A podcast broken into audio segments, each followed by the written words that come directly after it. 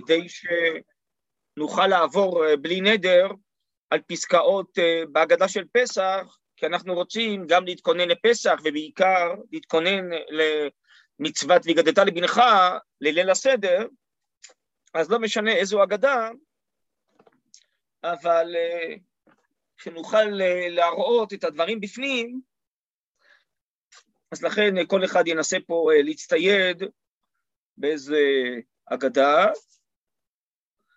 ואני אחכה עוד דקה שכל אחד יתארגן, ואז ננסה להתחיל. אם אתם תרצו לשאול תוך כדי הדברים, אז אפשר לשאול. נראה לי שמה שאני אנסה לעשות זה לתת כמה הקדמות קצרות, ולאחר מכן נתחיל ללמוד את ההגדה, זה דברים שבעצם כרגיל אני למדתי, לומד עם החבר'ה גם בישיבה, אז מי שלמד איתי זה יכול להיות תזכורת, מי שלא זה יכול להיות לימוד ראשוני. גם מי שלא נמצא עכשיו, אז מעיין חיים יקליט את זה, יוכל לשמוע את הדברים לאחר מכן. ואם הדברים יהיו ארוכים מדי, אפשר לעשות באמצע הפסקה לכמה דקות ולהמשיך, אבל בכל מקרה נראה לי שאני אשתדל מה שאפשר ככה ברצף ללמוד איתכם יחד את הדברים ולעבור עליהם, מקסימום מי שלא יכול להישאר יוכל לשמוע את ההמשך בהקלטה שמעיין חיים יקליט. טוב, אז נראה לי שאנחנו נתחיל. Uh, עכשיו אני רק מעיר מראש שהנושא המרכזי שלנו יהיה להבין את המהות uh, כאן של uh, הגדה של פסח וליל הסדר, ולא הנושא של ההלכות והמצוות, שברוך השם יש הלכות ומצוות uh, רבות בלילה הזה, בכלל בחג הפסח, אבל לזה נוצרו הדרשות של שבת הגדול, שאני מקווה ששמעתם, או אה, ספרי הלכה, שהדברים שם מופיעים, גם באגדות עצמם. אני אה, אתמקד עכשיו בעניין הרוחני, האמוני, כי קשה להכיל ביחד את כל הדברים, אה, וזה מאוד אה, עלול להתארך. אז אה, ברשותכם נתחיל. כאשר הנושא שלנו בלילה הזה זה מצוות והגדת לבנך. שחז"ל ראו שהתורה ארבע פעמים כתבה כי שלחה בנך, ולכן חז"ל אומרים שכנגד ארבעה בנים דיברה תורה. ובעצם המצווה הזאתי נקראת בחז"ל לספר ביציאת מצרים. ויש לנו מצווה שאנחנו נדבר עליה בלי נדר בהמשך, שהיא כל השנה כולה, מוזכרת גם בהגדה של פסח, והיא נקראת זכר יציאת מצרים, לזכור את יציאת מצרים. צריך להבין בכל זאת מה המיוחד בלילה הזה, מעבר לכל השנה שאנחנו זוכרים את יציאת מצרים, כאן אנחנו צריכים גם והגדת לבנך, לספר ביציאת מצרים לדורות הבאים, לילדים, וחז"ל לימדו אותנו בצורה של שאלות ותשובות, בעצם התורה לימדה כי שלחה בנך, אז מה המיוחד שיש בפסח שאין כל השנה? ועוד שכל השנה המצווה הזאת בעיקרה היא בכלל ביום, רק מריבוי קול לומדים שגם בלילה, לזכור את יציאת מצרים. וכאן ברור שכל המצווה בשעה שיש מצה ומרום מלכים לפניך זה דווקא בלילה. כרגיל בכלל, רוב המצוות הן ביום ולא בלילה, מה מיוחד בלילה הזה? טוב, אז זה נושא אחד. שבלי נדר, תוך כדי לימוד ההגדה, נתעכב עליו. נושא שני, שחז"ל אמרו במשנה ובגמרא, בדף קט"ז, בפרק ערבי פסחים, מסכת פסחים, שאנחנו צריכים לספר בצורה כזאת של מתחיל בגנות ומסיים בשבח. לפי דעת שמואל, הגנות היא שעבדים היינו לפרעה מצרים והשם הוציא אותנו משם, הגנות הגופנית, הפיזית, הלאומית. לפי דעת רב, הגנות הרוחנית, שמתחילה עובדי עבודה זרה היו אבותינו, ועכשיו קרבנו המקום לעבודתו. אנחנו נוקטים כדעת שניהם, מתחילים כדעת שמואל, עבדים היינו, ואחרי זה עוברים לדעת רב, עובדי עבודה זרה היו אבותינו, ועכשיו קרבן המקום לעבודתו. וגם זה צריך להבין מדוע בלילה הזה צריך להזכיר את הגנות. לכאורה, אנחנו בני חורין, היה אה, אפשר לצפות שנדבר רק על השבח. למה צריך להזכיר את הגנות? אבל אנחנו עוברים פה מהגנות לשבח. נושא נוסף כאן, שהמספר ארבע הוא מספר מרכזי בלילה הזה של ארבע קושיות, וכנגד ארבעה בנים וארבע לשונות של גאולה, ובירושלמי והריטב"א אומר שאחרי הסעודה פותחים את הדלת וכוס חמישית של אליהו הנביא, אבל זה גם כנגד ארבע כוסות של פורענות שעתיד הקדוש ברוך הוא להשקות את העמים, ואתם יודעים בכלל שחז"ל אומרים שאחרי פרעה יהיו עוד ארבע מלכויות, בבל, פרס, יוון ורומי, ובאהיה אשר אהיה, שהקדוש ברוך הוא אמר למשה, הייתי איתם בשעבוד זה, אני אהיה איתם בעוד שעבודים, זה בעצם הכוונה גם בארבע מלכויות, ובלי נדר נראה בהמשך שלפי הבנת חז"ל, גם ארבעת המלכויות נרמזו בתוך הגדה של פסח, ובעצם אנחנו נראה שהגדה של פסח לוקחת אותנו מהעבר להווה ולעתיד. העבר זה יציאת מצרים, ההווה, כל דור שהוא יושב עכשיו בליל הסדר צריך להבין מה תפקידו בדור שלו, ומה עוד מחכה לנו לעתיד.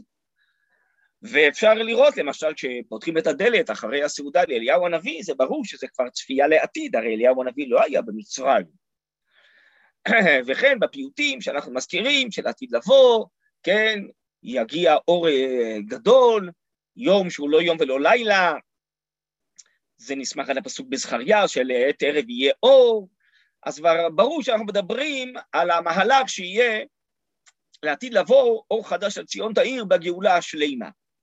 אז בלי נדע אנחנו נראה שהמהלך של ליל הסדר מכניס אותנו לסדר ההיסטורי, ובעצם אומנם אנחנו מתחילים ביציאת מצרים, אבל חז"ל רוצים שאנחנו נבין שיציאת מצרים עוד לא נגמרה, והיא תיגמר רק לעתיד לבוא.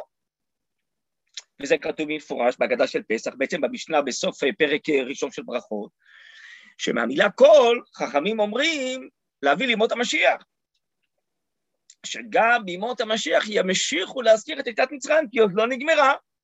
אמנם היציאה משעבוד מלכות היא העיקר, ויציאת מצרים תפלה, אבל ימשיכו להזכיר. ועל זה שואל המהר"ל מפראג, בהקדמה שלו לספר נצח ישראל, מדוע שעתיד לבוא ימשיכו להזכיר את יציאת מצרים? ועל זה עונה המהר"ל, שיש משהו מהותי שהתחיל במצרים, ביציאת מצרים, ועוד לא נגמר. לצורך זה, אני רגיל להשתמש במשל, שנראה לי שיכול לקרב את ההבנה לכוונתו של המהר"ל, בעצם לכוונת חז"ל. תינוק, תינוקת שנולדו, אז אה, כידוע לכולם, תהליך הלידה זה תהליך מסוכן לתינוק או התינוקת ול... הם, אז ברוך השם, אנחנו מודים להשם שהתהליך עבר בשלום והלידה נגמרה. אבל יש עניין שני, והוא העיקרי, אנחנו מודים להשם שהופיע פה בעולם נשמה חדשה. אמנם תינוק ותינוקת קטנים, אבל העתיד עוד לפניהם. הכוח הפנימי שלהם אה, עצור בקרבם פנימה, בנשמתם, והוא עוד עתיד לצאת ולגדל אותם גופנית, נפשית, שכלית, רוחנית, ובעזרת השם הם יהיו אחד מ-48 נביאים ושבע נביאות שעמדו לישראל, והם יביאו אור גדול של אמונה, של תורה, של קדושה, של תיקון העולם. מבחינה זאת, העתיד הוא יוציא מן הכוח אל הפועל מה שהתחיל בלידה. אז הנמשל הוא, יציאת מצרים היא לידתה של האומה. האומה נולדה. הנה עם בני ישראל, אומר פרעה, מזהה ישות לאומית. בנתי מאה תחדו אבותינו במצרים, נכון? ועכשיו, ברוך השם, פרצו לרוב. עכשיו הם נהיים עם. העם הזה רק עכשיו נולד ומתחיל את דרכו בנשמה אלוקית עליונה, עצורה בו, נשמה שהיא כל כולה בעצם מלאה סגולה והערה אלוקית, שהיא כל כולה מלאה תורה וקדושה ואידיאלים ורוממות. וכשהנשמה הזאת תצא לפועל לעתיד לבוא, אז היא תביא אור גדול של אמונה, של דעת, של תורה, לעצמה, לשאר העמים, הלכו גויים לאורך ולנוגה זורכך, היא תמלא את כל המציאות בדעת השם, תמלא הארץ דעה את השם, כמים לים מכסים. ובעצם המציאות כולה יתגלה שהשם אחד הוא שמו אחד, ביום ההוא יהיה, אומר הרמב"ם במורה נבוכים, יתגלה לכולם שהשם אחד הוא שמו אחד. אז ממילא, יציאת מצרים, לידת האומה, היא רק התחילה ביציאה ממצרים, בזה שסגולת ישראל נחלצה ממצרים, בזה שהשם התחיל להופיע והכרנו אותו, השם אלוקי ישראל. אבל היציאה השלמה תצא לפועל במילואה רק לעתיד לבוא בגאולה השלמה, ולכן יציאת מצרים לא נגמרה, היא תיגמר לעתיד לבוא. עכשיו, השאלה המרכזית שצריכה להיות מול עינינו, ובלי לדבר עכשיו נתחיל לענות עליה תוך כדי לימוד ההגדה, זה מה העיקר בעצם בלילה הזה. האם אנחנו בעיקר עסוקים בלימוד וזיכרון העבר, מה שהיה במצרים ויצאנו, או שבעצם אנחנו מתחילים מיציאת מצרים, אבל העיקר הוא מוכוון כלפי העתיד. אז בואו נתחיל לראות את הדברים בפנים, ונראה שהדברים מדברים בעד עצמם. קודם כל רק להזכיר שהגאונים סידרו לנו 15 סימנים שהם גם כן עוזרים לנו לסדר את ליל הסדר ולסדר את המהלך ההיסטורי שלנו, קדש ורחץ, כרפס יחץ, מגיד רחצה, מוציא מצה, מרוק עורר, שולחן עורר, צפון ברך, הלל נרצה. ויש הרבה מצוות גם כן של אה, אכילה, ודרך זה כשאנחנו אומרים את המגיד ואוכלים, בעצם מתברר לנו הייעוד הלאומי שלנו. אז אם כן, תחילת הדברים זה הקידוש, קדש ורחץ, רחיצת ידיים לכרפס, זה שינוי שעושים בכוונה כדי להטמיע את התינוקות, את הילדים שישאלו שאלות, יח"צ, חוצים את המצב, ואז מתחיל המגיד, וכאן בעצם מתחילה עיקר מצוות והגדת לבנך. בבקשה, אם יש לכם אגדות, אז כל אחד יפתח בהגדה שלו, את ההלך מעניה, שזה עוד לפני המה נשתנה, אנחנו קוראים ומזמינים כל מי שרעב, כל מי שצריך, להצטרף אלינו. אז בואו נקרא וננסה בלי נדר בזריזות להסביר. הלך מעניה, דיאכלו אבתנה בארד מצרים, כל דכפין יתב יכול, כל דצריך יתב יפסח, השעתה הכה, לשנה הבאה בארד ישראל, השעתה עבדי, לשנה הבאה בני חורים.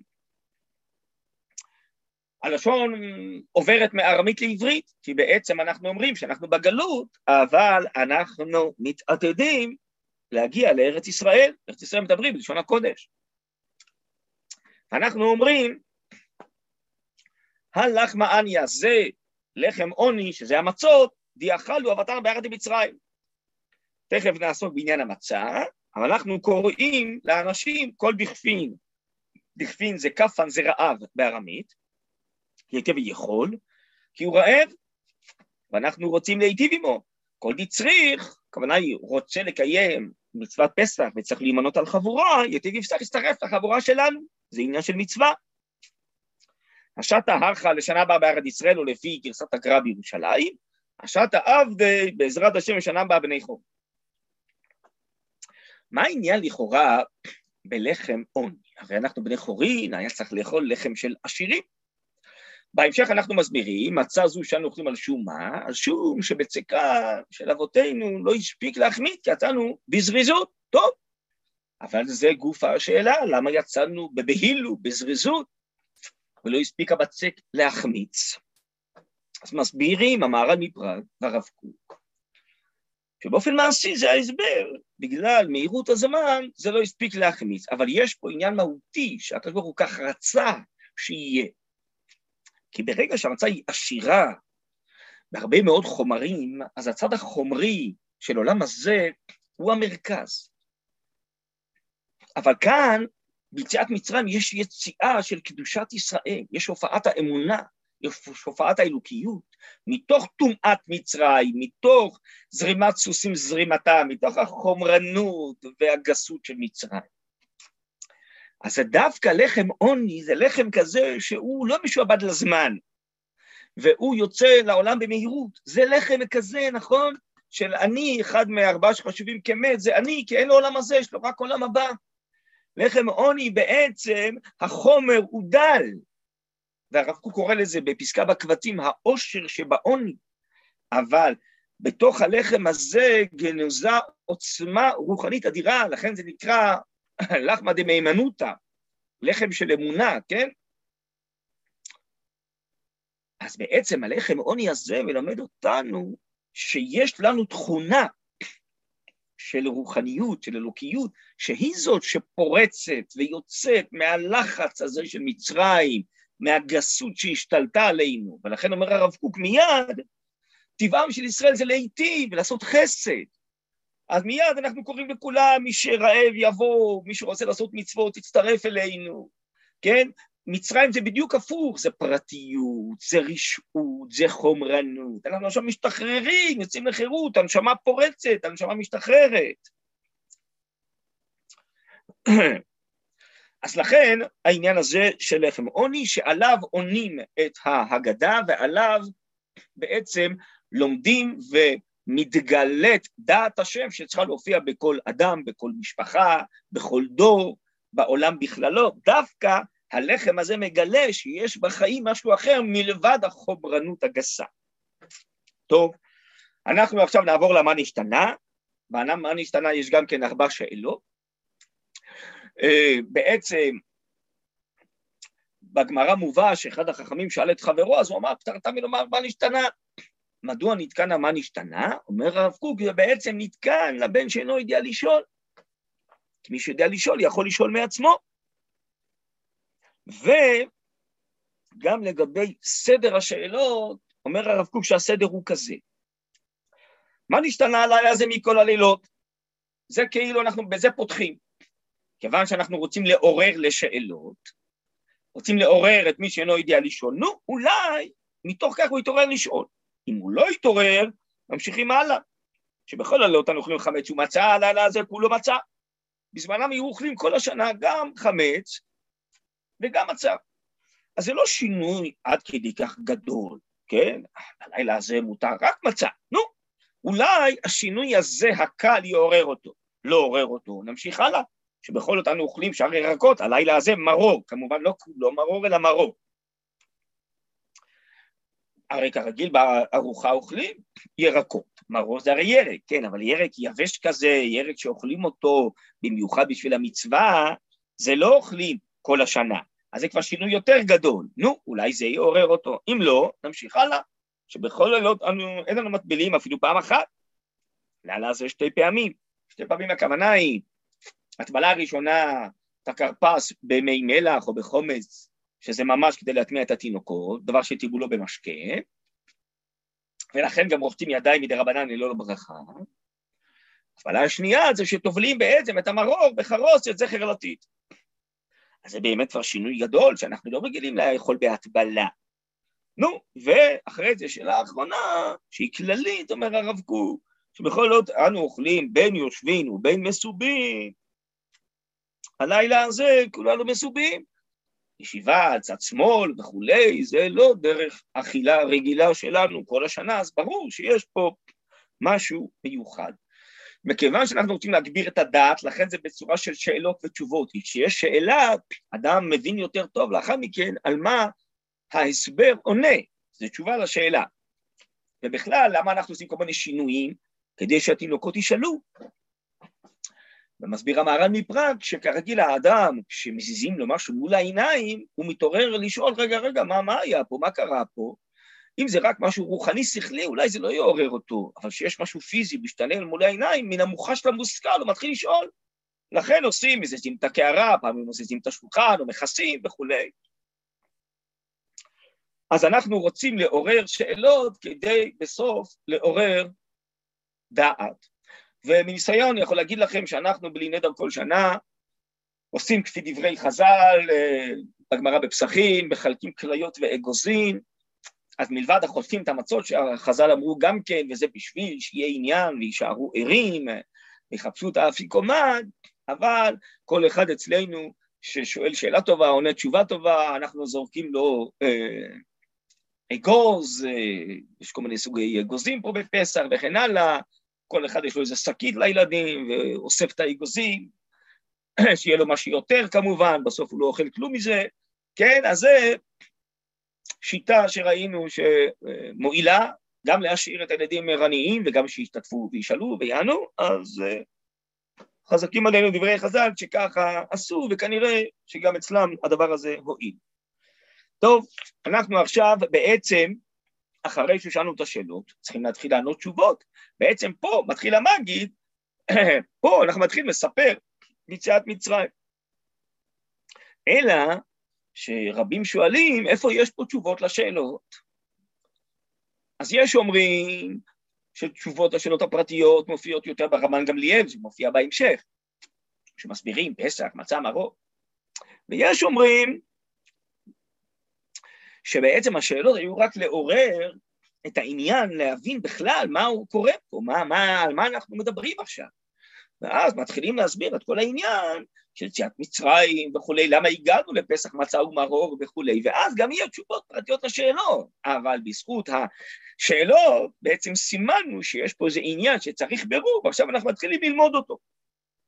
טוב, אז אם כן בואו נתחיל לקרוא, הזכרתי קודם שזה דעת שמואל, מתחיל מגלות ומסיים בשבח, אני קורא, עבדים היינו לפרעה במצרים, ויוצאנו השם אלוקינו משם, ביד חזקה בזמן נטויה, ואילו לא הוציא הקדוש ברוך הוא את אבותינו ממצרים, הרי אנו בנינו בני בנינו משועבדים עלינו לפרעה במצרים, אפילו כולנו חכמים, כולנו נבונים, כולנו זקנים, כולנו יודעים את התורה, מצווה עלינו לספר ביציאת מצרים, וכל המרבה לספר ביציאת מצרים, הרי זה מישהו ב...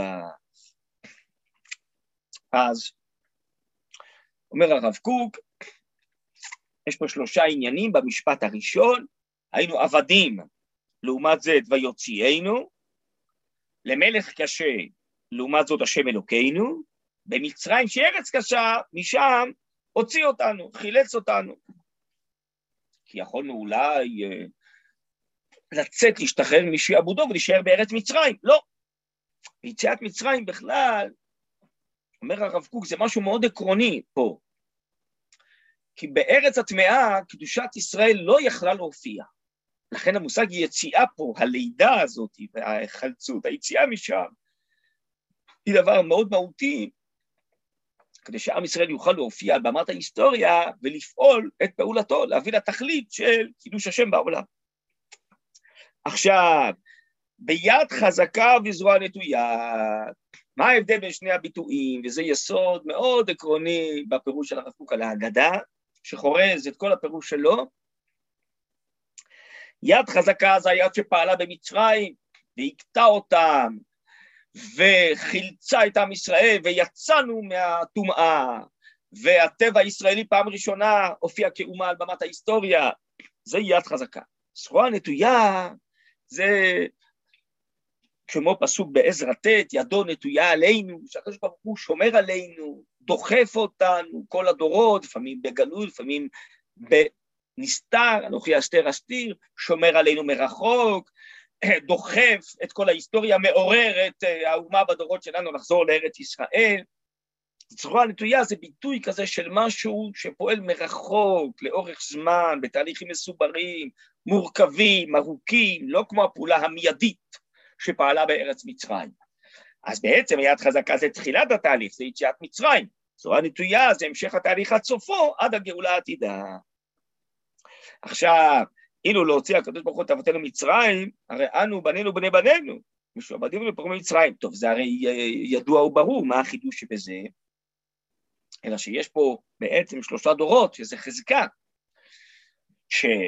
שהיינו נתבעים במצרים ונשארים שם, ובזכות זה שיצאנו, אז עכשיו הקדושה הלאומית והתורה שייכת לנו באופן עצמי, ובעזרת השם תמשיך לנצח.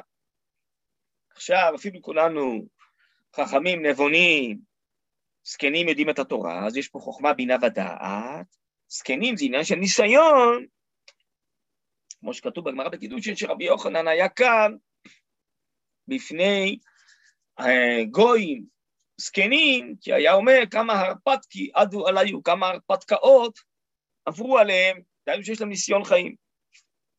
אז ממילא, אפילו אנחנו בעצם יודעים את הכל, מצווה עלינו לספר ביציאת מצרים, והזכרתי קודם שזה נקרא סיפור. ולא רק זאת, אלא המשפט הבא, כל המרבה לספר ביציאת מצרים, הרי זה משובח, יש עניין להרבות. זה משובח, הוא משביח את יציאת מצרים, הוא ממשיך לקדם אותה. לכאורה, מדוע? הרי הוא כבר יודע את הכל, הוא כבר שמע את זה בשנה שעברה, הוא חכם גדול, מבין את הכל. למה הוא צריך לספר ולהרבות בסיפור? לפני שנענה נראה את הפסקה הבאה, שהיא ראייה לב... למצווה הזאת שמוטלת אפילו על החכמים. אני קורא, מעשה ברבי אליעזר ורבי יהושע ורבי אלעזר בן עזריה ורבי עקיבא ורבי טרפון, שהיו מסובים בפניהם ברק, שזה היה מקומו של רבי עקיבא. היו מספרים יציאת מצרים כל אותו הלילה, אז אם כן אנחנו רואים שהם האריכו בסיפור כל הלילה, עד שבאו תלמידיהם ואמרו להם רבותינו הגיע הזמן קריאת מה של שחרית. עכשיו מקשה הרב קוק בפירוש שלו, שבגמרא בבלי כתוב, במסכת שבת, שרשב"י וחבריו פטורים מן התפילה, כי הוא עוסק בתורה, והרב קוק מסביר במקום אחר שאצלו השכל והרגש מאוחדים, ותפילה היא לעורר את הרגש, אז הוא כבר לא צריך. בירושלמי כתוב שרשב"י וחבריו פטורים גם מקריאת שמע. עכשיו, מי שיושב פה, כל החכמים האלה, זה רבותיו של רשב"י. אבל עזר בראשון שזה רבותיו של רבי עקיבא, ורבי עקיבא הוא רבו של רשב"י, אז הם ודאי פטורים מהתפילה ומקריאת שמע. אז למה הם לא פטורים מלספר ביציאת מצרים? ועוד נחדד את השאלה, רגע אחד על פי הפסקה הבאה, נקרא קודם אותה ונחדד את השאלה, ואז ננסה לענות על הכל ביחד. אמר רבי נזר בן עזריה, הרי אני כבן שבעים שנה, ולא זכיתי שתאמר יציאת מצרים בלילות, עד שדרשה בן זומא שנאמר, למען תזכור את יום צאתך מארץ אותם כל ימי חייך, ימי חייך הימים, כל ימי חייך הלילות, וחכמים אומרים, ימי חייך העולם הזה, כל ימי חייך להביא דיבות המשיח. אז קודם כל נסביר את הפשט, מה נאמר פה?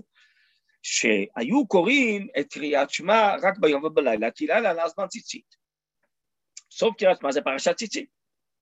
בסוף פרשת ציצית נאמר, אני השם אלוקיכם אשר הוצאתי אתכם מארץ מצרים, להיות לכם אלוקים, אני השם אלוקיכם אמת.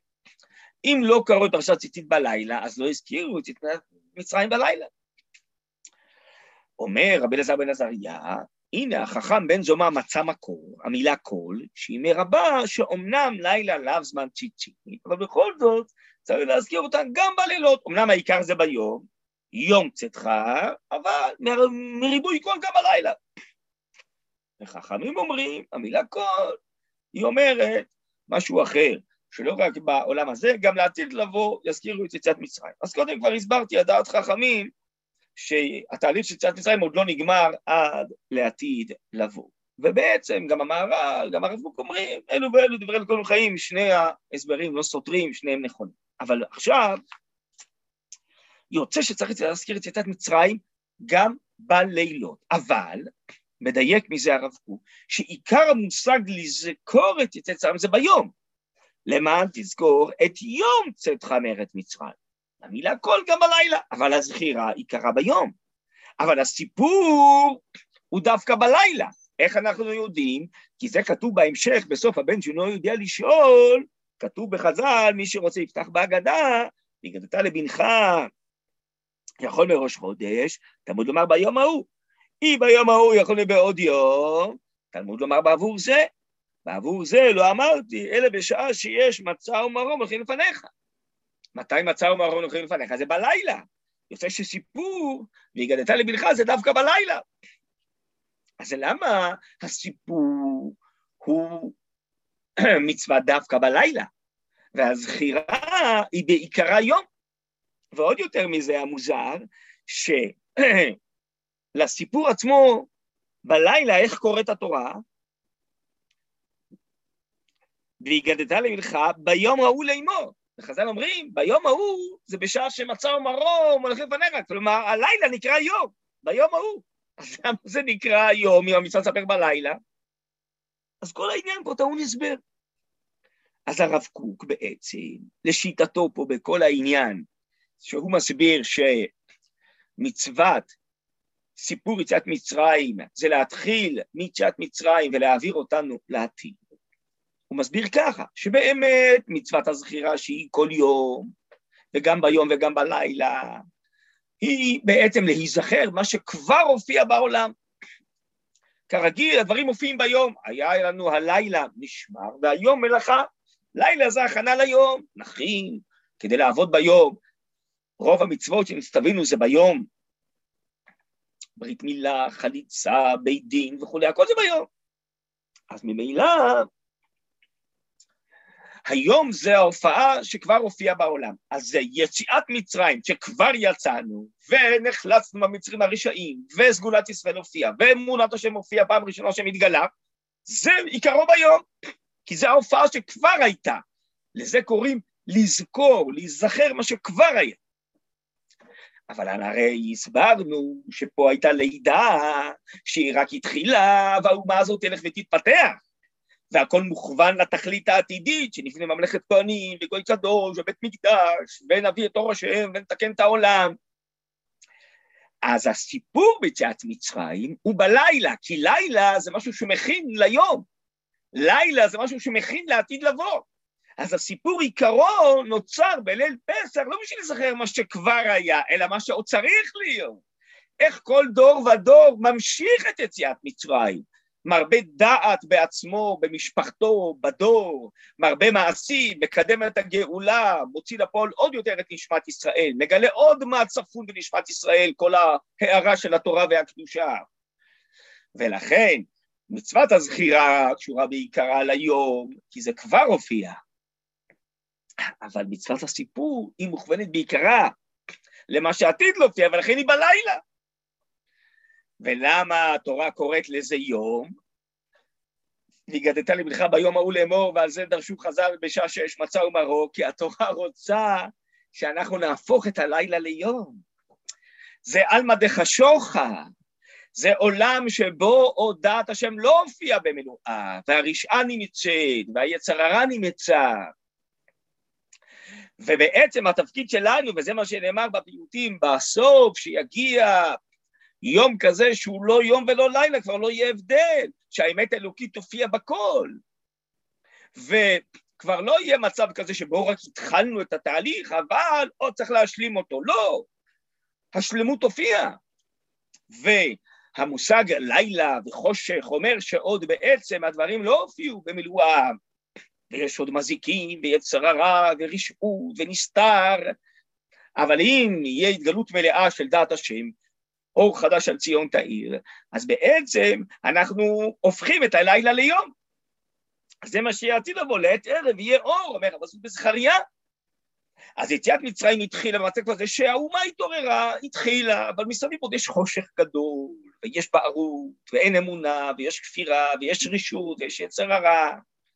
אבל העתיד לבוא, כשהטוב האלוקי יצא לפועל במילואו, והאמונה ודעת השם, נהפוך את כל העולם. כמו שכתוב, שהמשיח בא להפוך את כל העולם לזוהר תורה, אז יהיה אור גדול, אז הלילה הופך ליום. ולכן בלילה הזה שאנחנו יושבים, זה ניצוץ של העתיד לבוא. וזה שהחכמים יושבים כל הלילה ומספרים, כי החכמים האלה הופכים את הלילה שלהם ליום. וזה שמצווה לספר, אומר הרב קוק, אז החכמים האלה הרי, ובזה אני עונה על השאלה שהוא שאל, פטורים מקריאת שמע ומן התפילה. למה הם חכבים בסיפור? משום שאומנם להיזכר במה שכבר הופיע ביציאת מצרים, אז אולי הם פטורים, אבל הרי כל התורה שלומדים בעולם הזה זה הבל לעומת תורתו של משיח. אז מה שיהיה לעתיד לבוא, בזה גם הם צריכים לעסוק, כי לעתיד לבוא תהיה הופעה עוד יותר גדולה מאשר הופיעה בימיהם. ולכן מצווה לספר מה שיותר, להסביר מה עוד עתיד להופיע.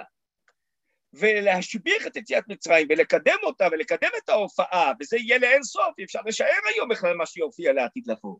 אז אפילו כולנו חכמים ונבונים ויודעים מה שכבר הופיע, אנחנו צריכים לספר עוד במה שעתיד להופיע, ובזה גם החכמים שייכים, כמו כל אחד אחר. בסדר, הדברים ברורים? לא, לא. בסדר? אז אם יש שאלה תשאלו, אם לא, אז פה תזכרו את המיקרופונים. עכשיו תזכי בהם. כן, זה. אבל בעצם עניין מרכזי של הרב קוק כאן בהבנת כל ההגדה של פסח, ונראה אז אחרי זה, על פי זה הוא מסביר עוד עניין.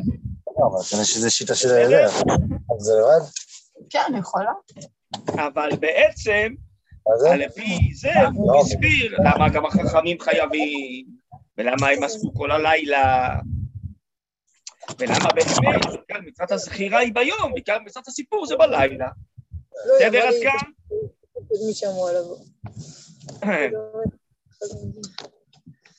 בזמן עכשיו שוב אני מבקש לסגור את המיקרופונים, כי אחד המיקרופונים פתוח.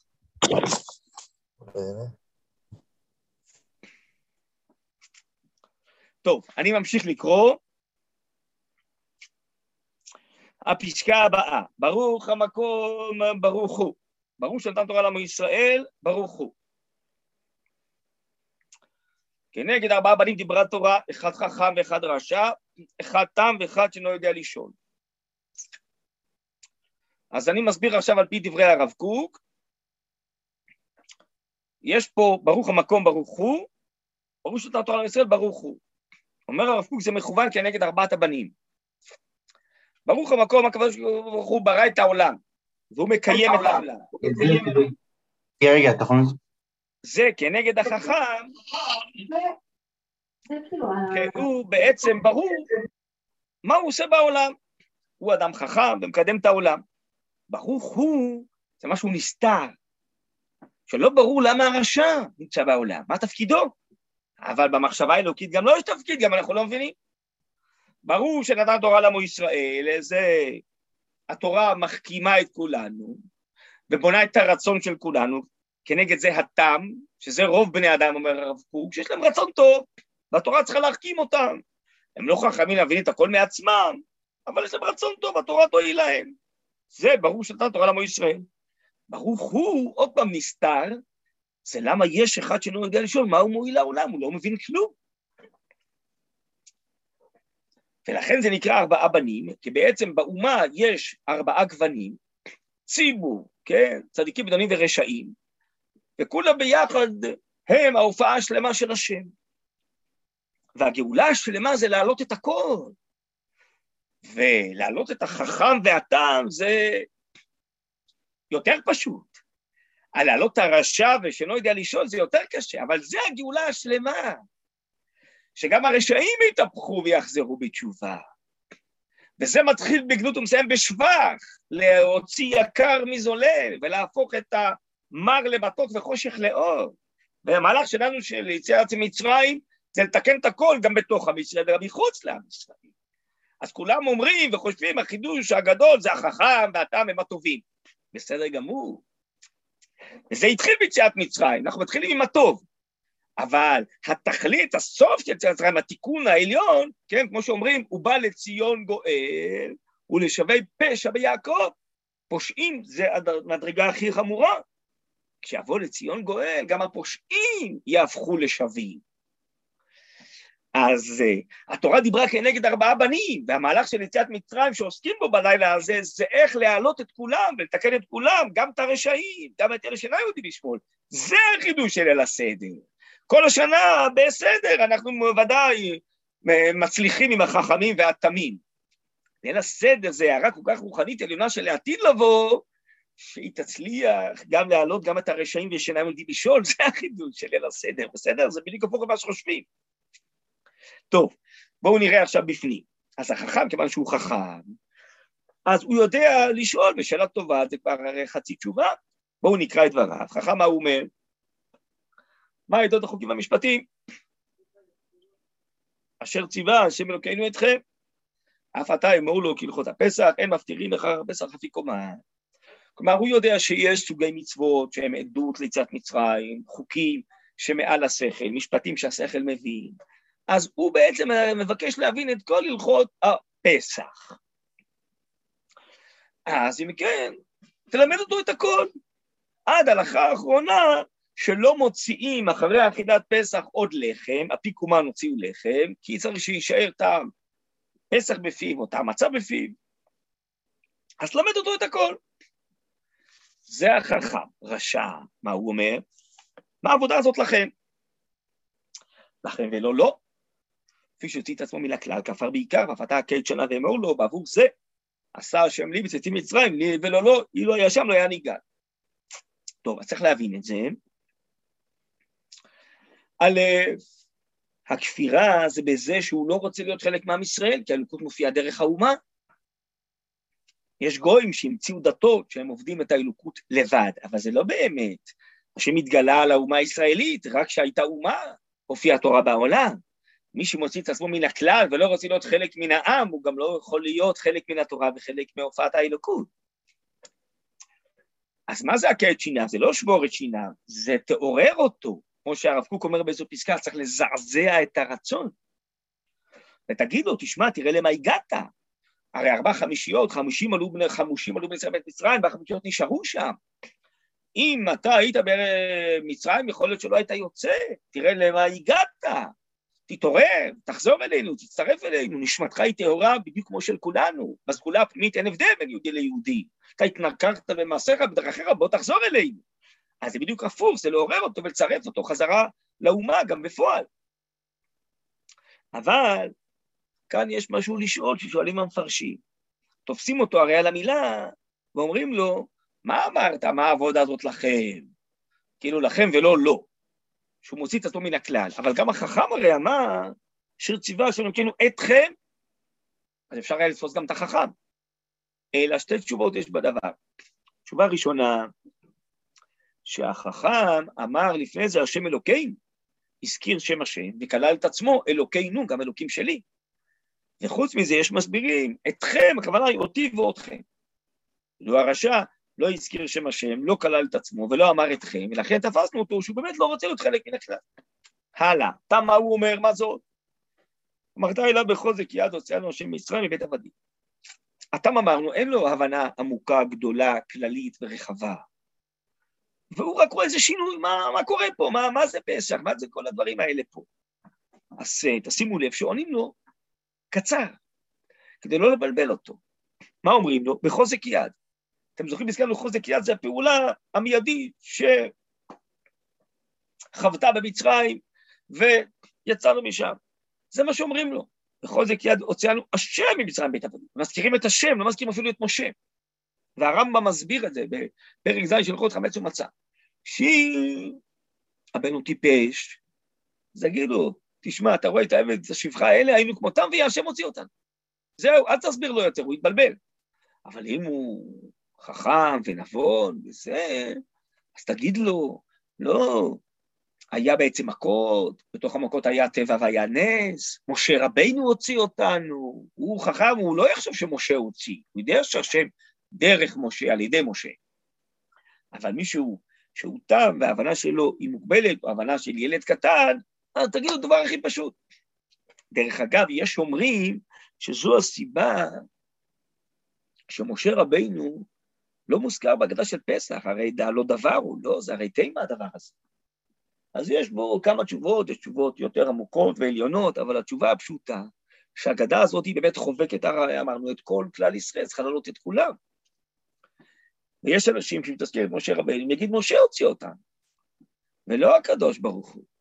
לכן שיהיה ברור שהיה פה איזו פעולה של הופעה אלוקית, מיידית, שהשם פעל, ופעם ראשונה הכרנו את ההתגלות האלוקית. לכן משה לא מוזכר, כאילו העלימו אותו, כדי שיהיה ברור שזה השם הוציא אותנו. זה בעצם בשביל האנשים התמים, ודאי אלו שאינם יודעים לשאול. טוב, נמשיך לשאול, לא יודע לשאול, עד פתח לו שנאמר והגדת לבנך ביום ההוא לאמור, בעבור זה עשה השם לי מציצים ממצרים. ותשימו לב, מה שהערתי קודם, שבעצם לומדים את כל מצוות והגדת לבנך בלילה הזה, ומתי זה בלילה, לומדים מהבן שאינו יודע לשאול. כי אמרנו שהשיא זה בעצם להעלות את כולם, וגם את מי שאינו יודע לשאול. והשיא זה להפוך, אמרנו, את החושך לאור, הנה, והגדת לבנך, אני קורא שוב, יכול מראש חודש המדובר ביום ההוא, אם ביום ההוא יכולים בעוד יום תלמוד לומר, בעבור זה, בעבור זה לא אמרתי, אלא בשעה שיש מצע מאור מלכים לפניך, אז ממילא, בעצם, זה בלילה. ובלילה אמרנו שזה נקרא יום, כי התורה רוצה שנהפוך את הלילה ליום, אז התורה רוצה שנהפוך גם את מי שלא יודע לשאול וכל כך רחוק, גם כן נמלא אותו דעת. וזה התיקון השלם. אז דווקא מהבן הזה שלא יודע לשאול, מזה בכלל לומדים את יצאת בגדת לבנך וסיפור ביציאת מצרים. ואמרנו שיש אומרים שבכלל, כל ההגדה נוצרה בשביל מי שלא יודע לשאול, כי מי שישאל מעצמו, אולי אפשר לספר לו בצורה אחרת. אז אם כן, זה התכלית שלנו להעלות את כולם, גם את מי שלא יודע לשאול. טוב, עד כאן בעצם מתחיל בגנות ומסיים בשבח כדעת שמואל, הגנות והשבח הגופניים. עכשיו אנחנו עוברים לדעת רב, הגנות והשבח הרוחניים. אני קורא. מתחילה עובדי עבודה זרה היו אבותינו. לא הכוונה אבותינו, אלא אבות אבותינו, תרח ואבותיו. ועכשיו קרבנו למקום לעבודתו, שנאמר, וזה פסוקים מספר יהושע, שהוא מסכם בתמצית את ההיסטוריה. אומר יהושע אל כל העם, כה אמר השם אלוקי ישראל בעבר הנהר, שבו אבותיכם מעולם, תרח אבי אברהם ואבי נחור ועד אלוקים אחרים. ויקח את אביכם את אברהם מעבר הנהר, כן, זה ויאמר השם על אברהם, לך לך, הולך אותו בכל ארץ כנען, והרבה זרעו ויתן לו את יצחק. ויתן יצחק את יעקב ואת עשיו, ויתן עשיו את ארסי לרשתותו, ויעקב ובניו ירדו מצרים. אז ההמשך של אברהם זה יצחק, ההמשך של יצחק זה יעקב, ועכשיו האומה תיווצר דווקא בארץ מצרים, תכף נראה מאיפה יודעים את זה, ולכן יעקב ובניו, שהיו רק 70 נפש, ירדו למצרים, כדי שתיווצר שם האומה הישראלית. ועכשיו, הפסקה הבאה, ההבטחה של ברית בין הבתרים, שהקדוש ברוך הוא אמר מראש שזה יהיה התהליך. בואו נקרא, ברוך שומר הבטחתו לישראל, ברוך הוא. שהקדוש ברוך הוא חישב את הקץ לעשות. כמה שאמר ואברהם אבינו בברית בין הבתרים, שנאמר ואומר לאברהם ידו צדק גרי יהיה זרעך בארץ לא להם. ועבדו ועינו אותו בארבע מאות שנה. וגם את הגוי אשר יעבוד עודן אנוכי, אחרי כן זו בחוש גדול. אז אם כן, מהו הפשט? מה זה ברוך שומר הבטחתו לישראל, שהוא הבטיח שנרד למצרים, ונצא משם, ושם תיווצר האומה, והנה ברוך השם הוא קיים. אני רוצה רגע אחד להמשיך לפסקה הבאה, ואז לדון עליהם ביחד, והיא שעמדה לאבותינו ולנו, מכסים את המצות, מרימים את הכוס, שרים, שלא אחד בלבד עמד עלינו לכלותנו, אלא שבכל דור ודור עומדים עלינו לכלותנו, והקדוש ברוך הוא מצילנו מידם. אז קודם כל כמה הערות, שהכל בלשון הווה, אתם רואים? עומדים, והקדוש ברוך הוא מצילנו. מה זה מידם? אומר הרב חלב, מהידיים ידי עשיו. הערה שנייה, שאם מישהו חשב שעוסקים רק ביציאת מצרים, הנה ודאי פה, פה אנחנו עוסקים גם בדורות הבאים, בכל דור ודור עומדים עלינו לכלותנו. אז אנחנו לא, אנחנו רק מסבירים, אהיה אשר אהיה, מה שהתחיל אז ממשיך גם בדורות הבאים. אבל השאלה המהותית, הקשה בפשט, זו מי זאת היא? אני מציע לכם לשאול את זה בליל הסדר, כי בעצם יש פה טעות נפוצה. מי זאת היא? אז כולם אומרים, ההבטחה שעמדה על אבותינו ולנו, ברור שומר הבטחתו, מה שאומר בפסקה הקודמת. טוב, מה הבעיה בפשט? שאם אתה קורא את ההבטחה, אז השם הבטיח שנהיה בארץ מצרים ונצא, הוא גם הבטיח שנצא מבבל, שנצא מפרס, שהקדוש ברוך הוא יציל אותנו בכל דור ודור ממי שעומד עדינו לכלותנו, איפה זה כתוב בהבטחה? בפשט של המילים זה לא כתוב. גר יהיה זרה בארץ לא להם, עבדו במדינות אברהם מאות שנה, ואחרי זה יצאו בחוש גדול, כל זה תיאור של יציאת מצרים לכאורה, איפה יש כאן הבטחה גם לכל הדורות הבאים. אלא שחז"ל הם דייקו מן הפסוקים, כמו בחלום יעקב, שהוא ראה את כל המלכויות עולות ויורדות לפי חז"ל, גם פה המדרשים מלאים מזה, שהשם הראה לאברהם את כל הדורות עד הגאולה השלמה ואת כל המלכויות. לכן חז"ל מדייקים.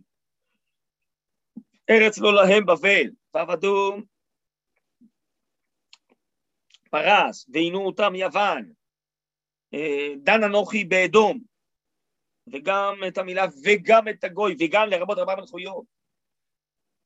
בקיצור, לפי הבנת חז"ל, השם הראה לאברהם את כל ההיסטוריה עד הגאולה השלמה, ובתוך המילים, על דרך הרמז בתוך הפסוקים, הרי התורה נדרשת לא רק פשט אלא דם. רמז נרמזו פה כל המלכויות וכל הצרות עד הגאולה השלמה. לכן היא שעבדה. באמת אותה הבטחה כוללת בפנימיות שלה, ברמז שלה, את כל הדורות הבאים, לכן באמת היא זאת שעומדת לנו. שכמו שהשם שמר עלינו במצרים וקיים את הבטחתו, ככה הוא שומר עלינו כל הדורות, הוא מקיים את הבטחתו. טוב, צא ולמד. מה זה צא ולמד? בואו תראה. הוכחה שבאמת הקדוש ברוך הוא שומר עלינו. מה ביקש לבן ארמי לעשות? יעקב אבינו שפרעה לא גזר אלא על הזכרים, ולבן ביקש לעקור את הכל. אז מה זה הוכחה לזה שהקדוש ברוך הוא שומר עלינו? אומר הנציב, שלבן הרבה יותר מסוכן מפרעה, וביקש לעקור את הכל, ולא רק כמו פרעה שרק גזר על הזכרים. ואם היינו נשארים אצל לבן, לא היה יעקב ולא היה משפחתו ולא היה עם ישראל, הכל היה נגמר. אז בחסד השם שהוא שמר עלינו, שהשם אמר ליעקב שיעזוב את לבן וירד למצרים, כי במצרים יהיה קשה, אבל נצא משם. ואומר ישראל תישאר בעולם, אבל אם היינו נשארים אצל לבן, לא היינו נשארים לעולם, אלא היינו עובדים, שוקעים, מתבוללים, מושפעים. וכאן צריך להעיר עוד משהו, באמת, אה, חברי, מורינו ורבינו הרב אהוד ברזילי, זכר צדיק לברכה, היה ככה מסביר תמיד, היה בהקשר לדורות שלנו. למה לבן יותר מסוכן מפרעה? כי פרעה אנחנו יודעים שזה גסות ורישות וטומאה גלויה. לבן הוא מתוחכם, הוא רמאי, הוא מבלבל, שינה את משכורתו עשרת מונים או מאה פעמים. אבל עוד יותר מזה, לבן זה מאבק רוחני, תרבותי בעם ישראל, שמבלבל, מושך מאוד, כן, גדול המחטיאו יותר מן ההורגו. לכן, עם המאבק הפיזי, עוד איך שדאגו אנחנו מסתדרים, נראה לי שגם היום, כשיש אויבים גלויים, אז לרוב אנחנו מסתדרים. אבל במאבקים התרבותיים, הרוחניים, לפעמים אנחנו מתבלבלים. לכן, לפי הבנת חז"ל, לבן עוד יותר מסוכן מפרעה. טוב, עכשיו אנחנו נדבר על לבן מתוך הפסוקים, שנאמר, ארמי עובד אבי, ארמי ניסה להעביד את אבי, שזה לבן. ותכף אנחנו נדרוש ארבעה פסוקים מפרשת כי תבוא בחומש דברים, פרק כ"ה, פסוקים ה', ו', ז', ח'. וכאן תמיד אני שואל, משהו מוזר מאוד, שחז"ל בחרו ללמד אותנו על יציאת מצרים מתוך ארבעה פסוקים שצריך להגיד מי שמביא ביקורים בבית המקדש. זה נאמר בחומש דברים, בפרשת כי תבוא. ושתי שאלות יש בדבר. שאלה ראשונה, למה באמת התורה חייבה את מי שמביא ביקורים לספר לכהן סיפור, לתת לו הרצאה היסטורית? מארמי עובד אבי, לכאורה צריך להודות להשם, השנה היה גשם, היה יבול טוב, הנה אני מביא את הפירות הראשונים, למה צריך לדבר מארמי עובד אבי? שאלה שנייה זה עלינו.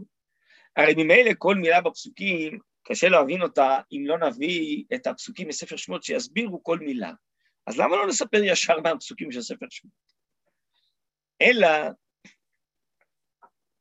ששתי תשובות יש בדבר. התשובה הראשונה, מה תמיד הרב צבי קוסטינר אומר, זה המקום היחידי שהתורה אמרה לאדם נוסח ברכה, נוסח תפילה, מה להגיד? הרי כידוע מטבע ברכות מדי רבנן. פה התורה כתבה פסוקים לאדם, מה להגיד? אז משתמשים בזה. אבל אני מוסיף, לכאורה היא גוף השאלה, למה פה התורה כתבה לאדם מה להגיד ולמקומות אחרים? לכן נראה לי שיש פה עניין נוסף. נתחיל רגע אחד מהשאלה הראשונה. למה התורה חייבה את המביא ביקורים לספר את כל הסיפור ההיסטורי? כי הוא עלול לטעות שזה הוא והקדוש ברוך הוא סולו, לבד. השנה היה גשם בשדה שלו, הוא מביא ביקורים. אמרו לו, ידידי, בוא תפתח את העיניים. אתה והשדה שלך זה פירות בשלים של כל המהלך ההיסטורי. אם לא ניצל יעקב מלבן, ארמי עובד אבי, בכלל לא היה עם ישראל ולא היית בעולם. אם לא היינו יוצאים ממצרים ומגיעים לארץ ישראל וכובשים אותה ומקימים מלכות ובית מקדש, לא היית עכשיו מביא ביקורים. אז אתה סוף התהליך של יציאת מצרים. אתה הפרי הבשל של כל התהליך. אז בוא, תודה לקדוש ברוך הוא, מההתחלה עד הסוף, זה היה הכל בשביל זה. ואותו דבר, אני חושב שצריך לענות על השאלה השנייה, למה חז"ל רצו שנשתמש בפסוקים האלה ללמד על יציאת מצרים, ולא ישירות מהפסוקים של יציאת מצרים, כי היינו עלולים לטעון שכל היציאה מצרים הייתה רק בשביל שנצא. כשאתה מסביר על היציאה מתוך פסוקים, מה יגיד מי שמביא ביקורים לעתיד לבוא בזמן התכלית, בזמן בית המקדש בארץ ישראל, אתה כאילו אומר שכל מטרת היציאה הייתה בשביל התכלית לעתיד לבוא. ואז זה גם פותח את העיניים שלנו, שאנחנו בליל הסדר באמת אמרנו בלילה, עסוקים, הלילה מכין לעתיד, שבזכות יציאת מצרים עוד נגיע לתיקון של העתיד לבוא. הרי בפועל בהיסטוריה, פעם ראשונה שמישהו אמר, עמי עובד אבי, זה היה 80 ו-400 שנה אחרי יציאת מצרים, כפי שאומר הפסוק, שאז הוקם בית המקדש הראשון של שלמה. ולא זכינו שיהיה הנצחי והאחרון, אז לעתיד לבוא בעזרת השם, בבית השלישי יאמרו את זה שוב. אז בעצם זה סוף הטנס של יציאת מצרים, אז חז"ל בעצם פותחים גם את עינינו לספר ביציאת מצרים, מתוך ההבנה שכל היציאה הייתה בשביל אותה תכלית עתידית. טוב, בואו נתחיל לקרוא את הדברים בפנים, ננסה בזריזות, בשביל לא להאריך, סך הכל גם הדברים ידועים, ואולי כאן אפשר uh, ככה uh, לעסוק יותר בתמצית הדברים, במרכזם. אני אקרא, שנאמר, רמי עובד אבי, וירד מצרימה, והיה גורשם בבתי מעט, ויהי שם לגוי גדול עצום ורב. זה הפסוק הראשון. וירד מצרימה, נוסף על פי הדיבור. והיה גורשם, מלמד שלא ירד יעקב אבינו להשתקע מצרים אלא לגור שם, לשון גר, כן? לא מגורים קבועים. שנאמר ואמרו אל פרעה לגור בארץ בנו, כן מרד רצון אשר לעבדיך, כי כבד הרע בארץ כנען, ואתה ישבון עבדיך בארץ גושן. במתי מעט, מה שנאמר בשבעים נפש, ירדו אבותיך מצרים, ואתה שמך השם אלוקינו, השם אלוקיך, סליחה, ככוכבי השמיים לרוב. ויהי שם לגוי. אז ההבנה הפשוטה שנהיינו עם, היינו שם עם, אבל חז"ל מסבירים אחרת, מלמד שהיו ישראל מצוינים שם. גוי, הכוונה היא מצוין, לשון ציון, מיוחד, שלא שינו שמם, לשונם, לגושיהם, לא התחתנו עם המצרים. גדול עצום, גדול זה חשוב, עצום זה ריבוי, מה שאמר בני ישראל, פרו וישרצו וירבו ויעצמו במאוד מאוד, ותמלא הארץ אותם. ורב, אז מה זה ורב? כבר דיברנו על ריבוי, על חשיבות, מה יש עוד להוסיף ברב? חז"ל אומרים, כמה שנאמר, רבבה כצמח השדה נתתיך. ותרבי ותגדלי ותבואי בעדי עדיים שדיים נכונו ושערך צמח, ושערך צמח, ותרום ועריה, והרים עושים, ויאמר עלייך בערב מבוססת בדמייך, ואומר לך בדמי חייב, ואומר לך בדמי חייב, שלא היה לנו מצוות, קיבלנו שני דמים, דם פסח ודם מילה. אז מה החידוש ברבבה? החידוש, יש פה כוח צמיחה, שלא רק יצאנו, אלא אנחנו כצמח השדה, וככה תמיד אומר הרב קוק, צריך להסתכל על האומה, על התוך והנולד, על כוח הצמיחה שיש באומה. ככה כשהוא הסתכל על המושבות הראשונות שהיו פה, ומי שמסתכל בעין רגילה אומר, מה יש פה בסך הכל? אומר, לא, אל תסתכלו מה שאתם רואים בפועל, תסתכלו על כוח הצמיחה שיש פה. זה בדיוק מה שאנחנו מסבירים כל הזמן. יציאת מצרים זה רק התחלה, יש פה כוח צמיחה עצום שיצא לפועל לעתיד לבוא. אז זה נקרא רבבה כצמח השדה נתתי. הלאה, פסוק השני, כ"ו ו' ויראו אותנו מצרים ויענונו ויתו אלינו עבודה קשה. ויראו אותנו מצרים כמה שנאמר, אבל נדחק מלוא ונרבה. ואת כי תקרנה מלחמה ונוסף גמור על שונאינו ונלחמנו בעלה מן הארץ. הפשט הוא שהמצרים מפחדים שעם ישראל ילחם בהם. ויש הרי שואלים מה זה ויראו אותנו, ויראו לנו, אלא תמיד הרב קוק היה מסביר שעשו אותנו רעים, כי חברה רעה משפיעה מאוד על האדם. ויענונו, מה שנאמר, וישימו עליו שרי מיסים למען ענותו בסבלותם, ויבן הרי מסכנות לפרעה את פתאום את רמסס. אז העינוי זה שהיינו צריכים לבנות בניינים גדולים, אולי זה הפירמידות, ויתנו עלינו עבודה קשה, אז מה החידוש פה? כבר אמרנו, שהיינו צריכים לעבוד ולבנות, כמה שנאמר, ויעבידו מצרים את ישראל בפרך. פרך, עבודה קשה, מפרכת את הגוף ומשברתו. מה זה? רש"י מביא בשם חז"ל, שמחליפים עבודת גברים ונשים, ונשים לגברים, שזה נגד הטבע. במדרש חכמים בפרך, בפרע, שביום הראשון פרעה הצטרף, ואמר שעל כל לבנה יקבלו פרס, ואחרי זה הוא ראה כמה מסוגלים, והכריח אותם לעשות ככה כל יום. הפסוק השלישי, כ"ו ז', ונצעק אל השם אלוקי אבותינו. וישמע השם את קולנו וירא את עוניינו וממלאנו ותחצינו. ועכשיו נסביר, ונצעק אל השם אלוקי אבותינו, כמה שנאמר בימים הרבים ההם. וימות מלך מצרים, ויהלכו לישראל מן העבודה, ויזעקו, ותען שפתם אלוקים מן העבודה. אז אם כן, הצעקה זה התפילה. וישמע השם את קולנו, כמה שנאמר, וישמע אלוקים את נאקתם. אז כאילו אלוקים את בריתו את אברהם, את יצחק ואת יעקב. וירא את עוניינו, אז מה כבר יש להסביר? אז כבר אמרנו שהוא ראה ושמע. לא, זו פשוט דרך ארץ, כן, שהפרישו אותם מנשותיהם, מה שנאמר, וירא אלוקים את בני ישראל ואת האלוקים.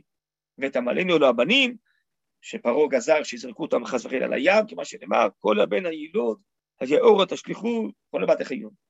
את לחצנו, אז מה עוד נוסף במילה לחץ? זו הדחק, שהיו שוטרי מצרים דוחקים אותם, עצים בהם, נוגסים בהם. כמו שנאמר, וגם ראיתי את הלחץ, שמצרים לוחצים אותה. ועכשיו הפסוק האחרון, מתוך הארבעה, כ"ח, ויוצא לו שם מצרים. ביד חזקה, וזמן נטויה, ומורה גדול, ואורתות ומופתי. יוצא שם מצרים. לא על ידי מלאך, לא על ידי שרה ולא על ידי שליח, אלא הקדוש ברוך הוא בכבודו ובעצמו. תכף נראה מה זה העניין מלאך, שרה ושליח, נראה את הדברים בחז"ל קודם כל, שנאמר, רבתי בית מצרים בלילה הזה, וכיתי כל בכל בית מצרים מאדם עד בהמה, ובכל אלוקי מצרים בשא שפטים אני השם. ועברתי בית מצרים בלילה הזה, אני ולא מלאך.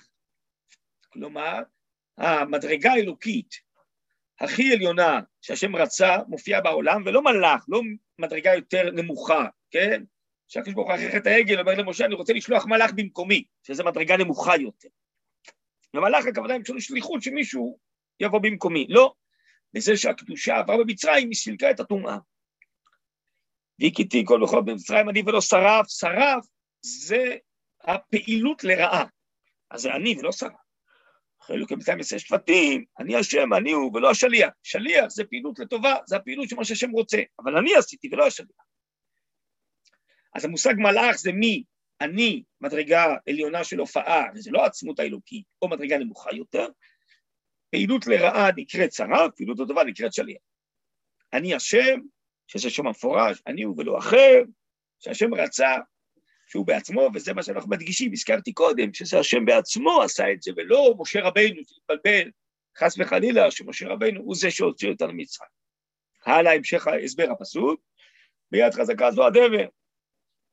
מה שנאמר, הנה יד השם הוא יד במקנך אשר בשדה, בסוסים, בחמורים, בגמלים, בבקר, בצאן, דבר כבד מאוד. אז מושג יד הוזכר בדבר, וזרוע נטויה זו החרב, מה שנאמר, וחרוש תעופה בידו נטויה לירושלים.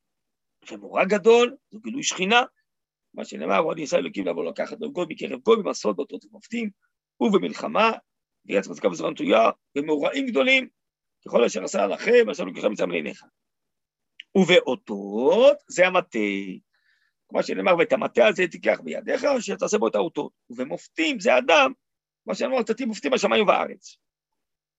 אז הגר"א אומר שהמונח אות הולך על הדברים הטבעיים, והמופת על שינוי הטבע. כי כל מכה שבוע הייתה, שזה מחוץ לטבע, זה נס, ואחרי זה חזר הטבע. אז האות מציין את הטבע שהיה במצרים, והמופת את היציאה מן הטבע. בכל מקרה, המטה של משה הוא זה שעושה גם את הדברים הטבעיים וגם את הדברים שאינם טבעיים. עכשיו, אה, סוף הפסוק של ונתתי מופתים בשמיים ובארץ, דם ואש ותמרות עשן. זה פסוק ביואל ג' ג'. מה כולל הפסוק הזה? אז אומר הגר"א שאש זה בשמיים, דם זה בארץ, תמרות עשן זה באוויר, דהיינו שהמכות כללו את כל המציאות מלמטה למעלה. מהמים, כן, והעפר, עד בסוף הנשמה שזה מכת בכורות. אז דם ואש ותמרות עשן כולל את כל המציאות. אז זה הסבר אחד לפסוק הזה, הרביעי מארמי עובד אבי. הסבר שני, שזה מניין המכות, אני ממשיך, דבר אחר, את חזקה שתיים, זרע נטויה שתיים, רק גדול שתיים, ובאותות שתיים ובפותים שתיים, אלו עשר המכות שהביא הקדוש ברוך הוא על מצרים במצרים הן. ואז נוהגים באצבע, כנגד המושג אצבע אלוקים להטיף מן הכוס, כמובן אם זה לא יין של אוצר בית דין, גם צפרדע קינים, הרוב דבר שכין, ברד הרבה, חושר מכת בכורות. והגר"א אומר שאנחנו, בזה שאנחנו מטיפים, אנחנו מסבירים שהמצרים נחסרו יותר על ידי כל מכה ומכה. אז כל מכה מראה שהמצרים נחסרו, ולכן מטיפים מן הכוס, להראות שמשהו נחסר מן הכוס. אה, הזכרתי קודם שבאצבע זה על שם אצבע אלוקי. תכף ננסה להסביר משהו נוסף בכל העניין של המכות, אבל נחכה רגע עם זה. רבי יהודה נותן בהם סימנים, דהיינו שחילק את המכות לשלושה סוגי מכות, בצע חדש באחיו, ושאומרים שזה היה כתוב על המטה של משה רבינו. מה זה החלוקה הזאת? בעל שמואלי הלקט אומר, המכות הראשונות רק אהרון עשה, אחרי זה משה ואהרון, והאחרונות רק משה לבדו עשה. הספורנו אומר, המכות הראשונות זה התחתונות, מים ועפר, האמצעיות זה בעלי חיים, והאחרונות זה באוויר עד הנשמה, שזה מכת בכור. נמשיך עוד לקרוא רגע את דעת התנאים לגבי המכות, ואז נדבר על הכל ביחד. דרך אגב, הפסקה הבאה מרבי סגדילי זה מחיתא דרבי ישמעאל, פרשת בשלח, אות ו', זה לא מופיע בגמרא ובמשנה במסכת פסחים, וצריך להבין מה התכלית של הברייתא הזאת, נקרא קודם כל, יש פה מחלוקת בין התנאים, כמה מכות קיבלו המצרים. אז אני קורא, רבי יוסף גלילי אומר, מיין אתה אומר שלקחו המצרים במצרים עשר מכות. ועל הים לקחו חמישים מכות, במצרים ההוא אומר, ואמרו החותמים אל פרעה, אצבע אלוקים היא. ועל הים ההוא אומר, ויעשה את היד הגדולה, אשר עשה השם מצרים, ויעירו העם את השם, ואבינו בהשם שעבדו. כמה לקחו באצבע? עשר מכות, אמור מעתה במצרים לקחו עשר מכות, ועליהם לקחו חמישים מכות. אז uh, ביד יש חמש אצבעות, אז אם במצרים עשר, אז על הים חמישים. זה דעה ראשונה, רבי יוסף גלילי. רבי אליעזר אומר מניין שכל מקום מקרא של יקש בכל המצרים מצרים הייתה של ארבע מכות. גם במצרים בעצם היו ארבעים מכות. שנאמר שלח בם, זה פסוק בתהילים, ע"ח מ"ט. ושלח בם חרון אפו. עברה וזעם וצרה משלחת מלאכי רעים. עברה אחת, וזעם שתיים, וצרה שלוש. משלחת מלאכי רעים ארבע, אמור מעתה במצרים לקחו ארבעים מכות, ועל הים לקחו מאתיים מכות, ככה זה פי חמש. והדעה השלישית רבי עקיבא אומר, מניין שכל מכה ומכה שהביא הקדוש ברוך הוא במצרים מצרים הייתה של חמש מכות, שנאמר שלב בם, חרון אפו עברה וזם וצרה משלחת מלאכי רעים, חרון אפו אחת, עברה שתיים וזם שלוש, וצרה ארבע, משלחת מלאכי רעים חמש, אמור מעתה במצרים לקחו חמישים מכות, לקחו חמישים מאתיים מכות, פי חמש.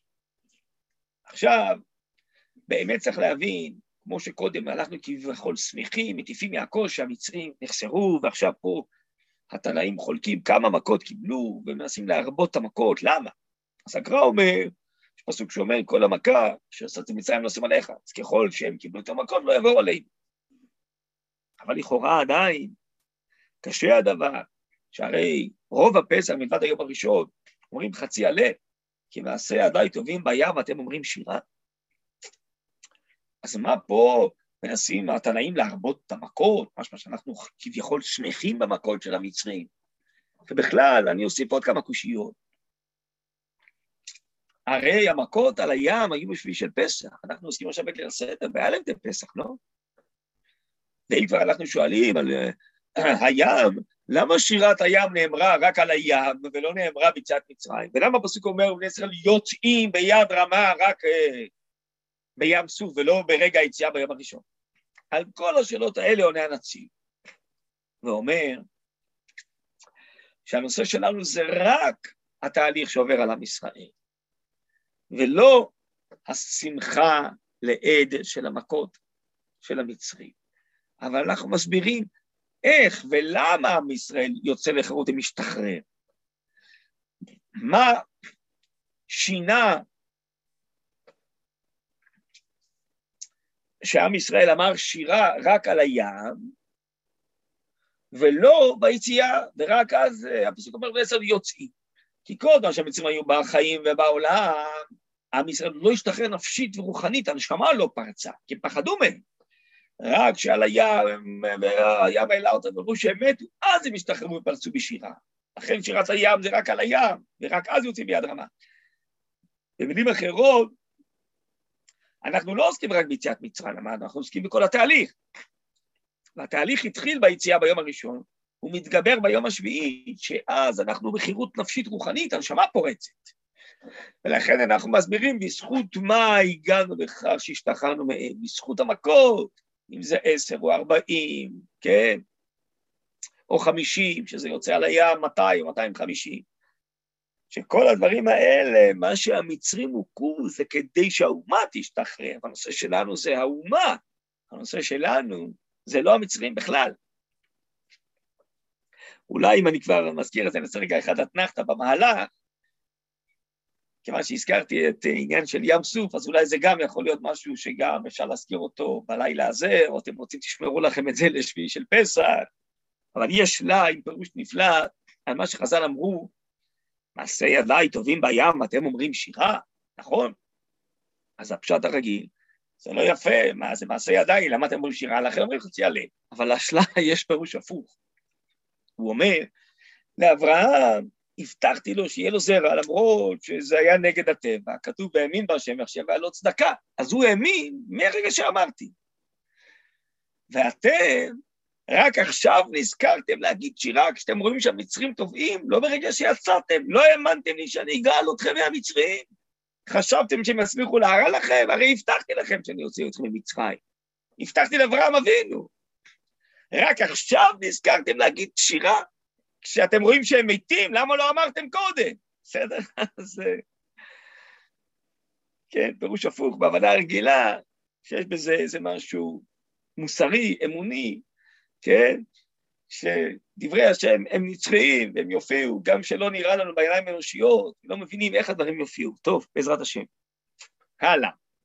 עכשיו אנחנו מגיעים לדיינו, כמה מעלות טובות למקום עלינו, יש לנו פה 15 דיינו, והדיינו זה לא כפשוטו, דיינו, הכוונה היא, היינו מסתפקים בעניין אחד. הכוונה היא שכל דבר הוא מעלה בפני עצמו. ויש פה עשרה בהם שפטים, אלוהיהם, בכוריהם, המונם, קרע את היער, העברנו בתוכו בחרבה, שיקע צרינו בתוכו, סיפק צורכנו במדבר 40 שנה, יש לנו את המן, נתן את השבת, קרבנו לפני הר סיני, נתן את התורה, הכניס לנו לארץ ישראל, ובנה בית הבחירה, ועל אחת כמה וכמה, צבא כפולה ומכופש, צריכים להודות לשם על הכל, שבנה לנו בית הבחירה, כן, אני מדלג פה לסוף, לכפר על כל עוונותינו. אז הנה כבר ראיה נוספת, שאנחנו בדיינו עוברים מיציאת מצרים, מגיעים עד הכניסה לארץ ישראל, אחרי מתן תורה ובעניין בית הבחירה, שבאמת בפעם הראשונה זה היה 80 ו-400 שנה אחרי היציאה, שזה תכלית היציאה בעצם, שהיא מופיעה כאן, תכלית היציאה ממצרים הייתה כדי להגיע לארץ ישראל, לבנות בבית הבחירה, אם היינו זוכרים, זה היה המקדש הנצחי והאחרון. אבל גם פה יש אומרים, כך אומר המהר"ל, שזה בעצם מחולק לשלושה חלקים, שחמשת הראשונים זה נקמת השם במצרים. הוצאנו מצרים, עשה בהם שפטים, אלוהיהם, הרג את בכוריהם, שיקע צרינו בתוכו. החמישה הבאים זה הטובה החומרית שאנחנו קיבלנו. נתן את ממונם, קרע את הים, העבירנו בתוכו בחרבה, סיפק צורכנו במדבר 40 שנה, הכננו את המן. והחמשת האחרונים זו הטובה הרוחנית. נתן את השבת, קבענו לפני הר סיני, נתן את התורה, הכנסנו את ישראל, ובננו את בית הבחירה. כן? טוב, יש קשר גם לזה שאנחנו, החג הזה הוא בט"ו בחודש, באמצע החודש, בסדר, יש, זה קשור לט"ו פרקי שירי המעלות, שהיו ט"ו מדרגות בעזרת נשים, זה לא במקרה גם המספר הזה ט"ו פה, כל הדברים פה מכוונים, בסדר? אבל אנחנו כאן עסוקים בפשט, להבין בעצם, ובאמת, אני חושב שגם כהדרכה קודם כל, כשמספרים לכולם, צריך לעסוק, לספר בפשט, ואחרי זה מי שיכול, יעריך, יעמיק ויבין, כפי שהוא יכול, או עם מבוגרים איתו, אפשר עוד להמשיך, לספר, להעמיק וללמוד ולהבין שיש פה דברים עמוקים מאוד, כפי שאומרים הראשונים, שחז"ל פה ברוח קודשם עצרו לנו פה את כל המציאות העתידית, כמו שהחכמים סיפרו כל הלילה, וגם הנוסח הזה של ההגדה, יש פה לא רק פשט, אלא גם דרש, גם רמז, גם סודות, וסודי סודות, יש פה דברים אלוקיים, עליונים מאוד, הרבה מעבר לפשט, אז כדי לדעת שיש פה באמת הרבה פירושים, יש פה גם פירושים על דרך הסוד והסודות וכולי, בקיצור, אבל קודם כל צריך להבין בפשט, בעצם ההבנת הפשט פה ולהבין קודם כל שיש פה איזה תהליך שלוקחים אותנו מהעבר דרך ההווה לעתיד, זה נראה לי גם כן הבנה חשובה במבט הכולל פה של ההגדה של פסח וליל הסדר. טוב, אנחנו ממשיכים. רבן גמליאל היה אומר, הזכרתי שיש אומרים שפה התשובות לשאלות של מה נשתנה, זה באמת מופיע במשנה בפסחים קט"ז, עמוד א', עמוד ב', כל שלא אמר שלושה דברים הללו בפסח, לא יצא רחוב דברו הן פסח, מצה ומרור. נקרא את ההסבר לשלושתם, קודם כל, פסח, שהיו אבותינו אוכלים בזמן שבית המקדש קיים, על שום מה? על שום שפסח הקדוש ברוך הוא על בתי אבותינו במצרים, מה? ואמרתם זבח פסח הוא להשם, אשר פסח על בתי בני ישראל במצרים, ונוקפו את מצרים, ובתינו הציל, ויקודם וישתחוו. אז זה בכלל שאלה, למה הקורבן הזה נקרא פסח, והחג נקרא פסח, מה הפסיכה, שהוא דילג על הבתים, זה דבר כל כך חשוב, שעל שמו נקרא הקורבן והחג, אלא שהפסיכה זה ההבדלה בין טומאת העמים לקדושת ישראל, שזה כל העניין של יציאת מצרים, זה שתופיע אומה קדושה ותיבדל משאר העמים. לכן הפסח זה שם מהותי לכל החג ולכל העניין. הלאה, מהצד זו שאנו אוכלים על שום מה, הזכרנו את זה קודם, על שום שלא הספיק בזיקם שאנחנו רוצים להחמיץ, עד שנגלה עליהם מלך מלכי המלכים הקדוש ברוך הוא וגאלם, שנאמר, עפות הבצועק, שרוצים מצרים, עוגות מצות כי לא חמץ, כי גורשו ממצרים ולא יכולו להתמהמה, וגם צידה לא עשו להם, וגם פה הנציב אומר שהמהירות הייתה, כי אם היינו נשארים בתוך מצרים היינו שוקים בטומאה, כבר לא היינו מצליחים לצאת. מרור זה, שאנו אוכלים על שומה, משום שמררו המצרים את חייהם במצרים, שנאמר, וימרו את חייהם בעבודה קשה, בחומר ובלבנים, בכל עבודה בשדה, את כל עבודתם אשר עבדו בהם בפח. כאן יש עניין שהרב קוק שואל, בכמה מקומות בפירוש שלו על הגדה של פסח. הרי לכאורה העינוי והמררות קדמו ליציאה, שכנגדה המצה. אז למה לא פסח, מרור ומצה? גם במה נשתנה שואלים קודם על המצה ואחרי זה על המרור. גם באכילה אוכלים קודם מצה ואחרי זה מרור. תמיד המצה קודמת למרור, לכאורה המרור צריך לקדום למצה. עונה הרב קוק, כמו שאמרנו שיש יד חזקה וזרוע נטויה. יש עבר ויש עתיד. המצה קשורה לעבר, שיצאנו ואמרנו תעופה אלוקית, האומה הופיעה, השם הופיע. המרור זה המרירות, אבל המרירות רק התחילה במצרים, אמרנו שיהיו ארבע מלכויות, יהיו הרבה מרירויות עד לעתיד לה. ועיקר המרירות בכלל, אומר הרב קוק, זה מרירות הנשמה, שיש עוד יצר הרע בעולם, גם בתוכנו. יש רשעות, הרשעה עוד לא, כי העשן קלטה. הנשמה עוד לא יצאה לפועל במילואה ועוד לא דבקה ביוצרה. הנשמה מרירה, היא יודעת שבעצם, היא יודעת שכל התהליכים, כן, מתחיל בגלל זה משפח בונים אותה. ובזכות המרירות בסוף היא תזדכך ותטהר, אבל הנשמה מרירה שהיא עוד לא הגיעה לתכליתה ולמילואה. לכן המרור זה אחרי המצה, כי המרור הוא קשור לה לעתיד לבוא. שרק לעתיד לבוא תגיע המתיקות והיציאה השלמה מהמרירות. המרירות של מצרים זה רק התחלת המרירות, יש עוד הרבה, ושאנחנו רואים גם בדורות שלנו, עוד הרבה מרירות, עוד מרור שיש לנו, נכון? אז נזכה להגיע בעזרת השם לגאולה השלמה, וכל המרירות אסור מאיתנו, אבל לכן תמיד המרור אחרי המצב. הלאה. אני קורא, בכל דבר דבר חייב אדם לראות את עצמו, ברמב"ם כתוב להראות את עצמו, אפילו הוא יצא ממצרים. שמה וגדל לבריך ביום ההוא לאמור, בעבור זה עשה השם לי, יצאתי ממצרים. אז אם כן, לי, אומר הנציב, כל אחד יראה את עצמו שרק בשבילו יצאנו ממצרים. וגם הוא היה בלוע בנשמת האומה, אומר הרב קוק, אומר המהר"ל, לכן גם הוא יצא ממצרים. וגם הוא צריך לקדם את יציאת מצרים, אמרנו, בכל דור ודור, אז זה הוא יצא ממצרים. לא את אבותינו בלבד, גאל הקדוש ברוך הוא, אלא אף אותנו גאל עמהם, שלמה ואותנו הוציא משם, למען אביו אותנו, לתת לנו את הארץ אשר נשמע לאבותינו. עכשיו, מכניסים את המצות, מרימים את הכוס, אומרים לפיכך, אחרי זה שני פרקים של הלל, ואחרי זה ברכת אשר גאלן. נקרא פה את הדברים ברצף, וננסה להסביר את הכל ביחד. אני קורא, לפיכך, אנחנו חייבים להודות, לשבח. לפאר, לרומם, להדר, לברך, להלל ולקלס. למי שעשה לאבותינו לפנינו את כל הניסים האלו, הוציא להם עבדות לחירות, מהגון לשמחה, מעבר ליום טוב, הפעלה לאור גדול, שבו לגאולה, ונאמר לפניו שירה חדשה, הללויה. אחרי זה אומרים פה שני פרקים של הלל, וזה דבר יחידאי בשנה שחוצים את ההלל לשניים. הפרק הראשון עוסק בהתגלות השם בטבע, ממזרח שמש עד מבואו, פרק השני בצלצל מצרים, יציאת מצרים.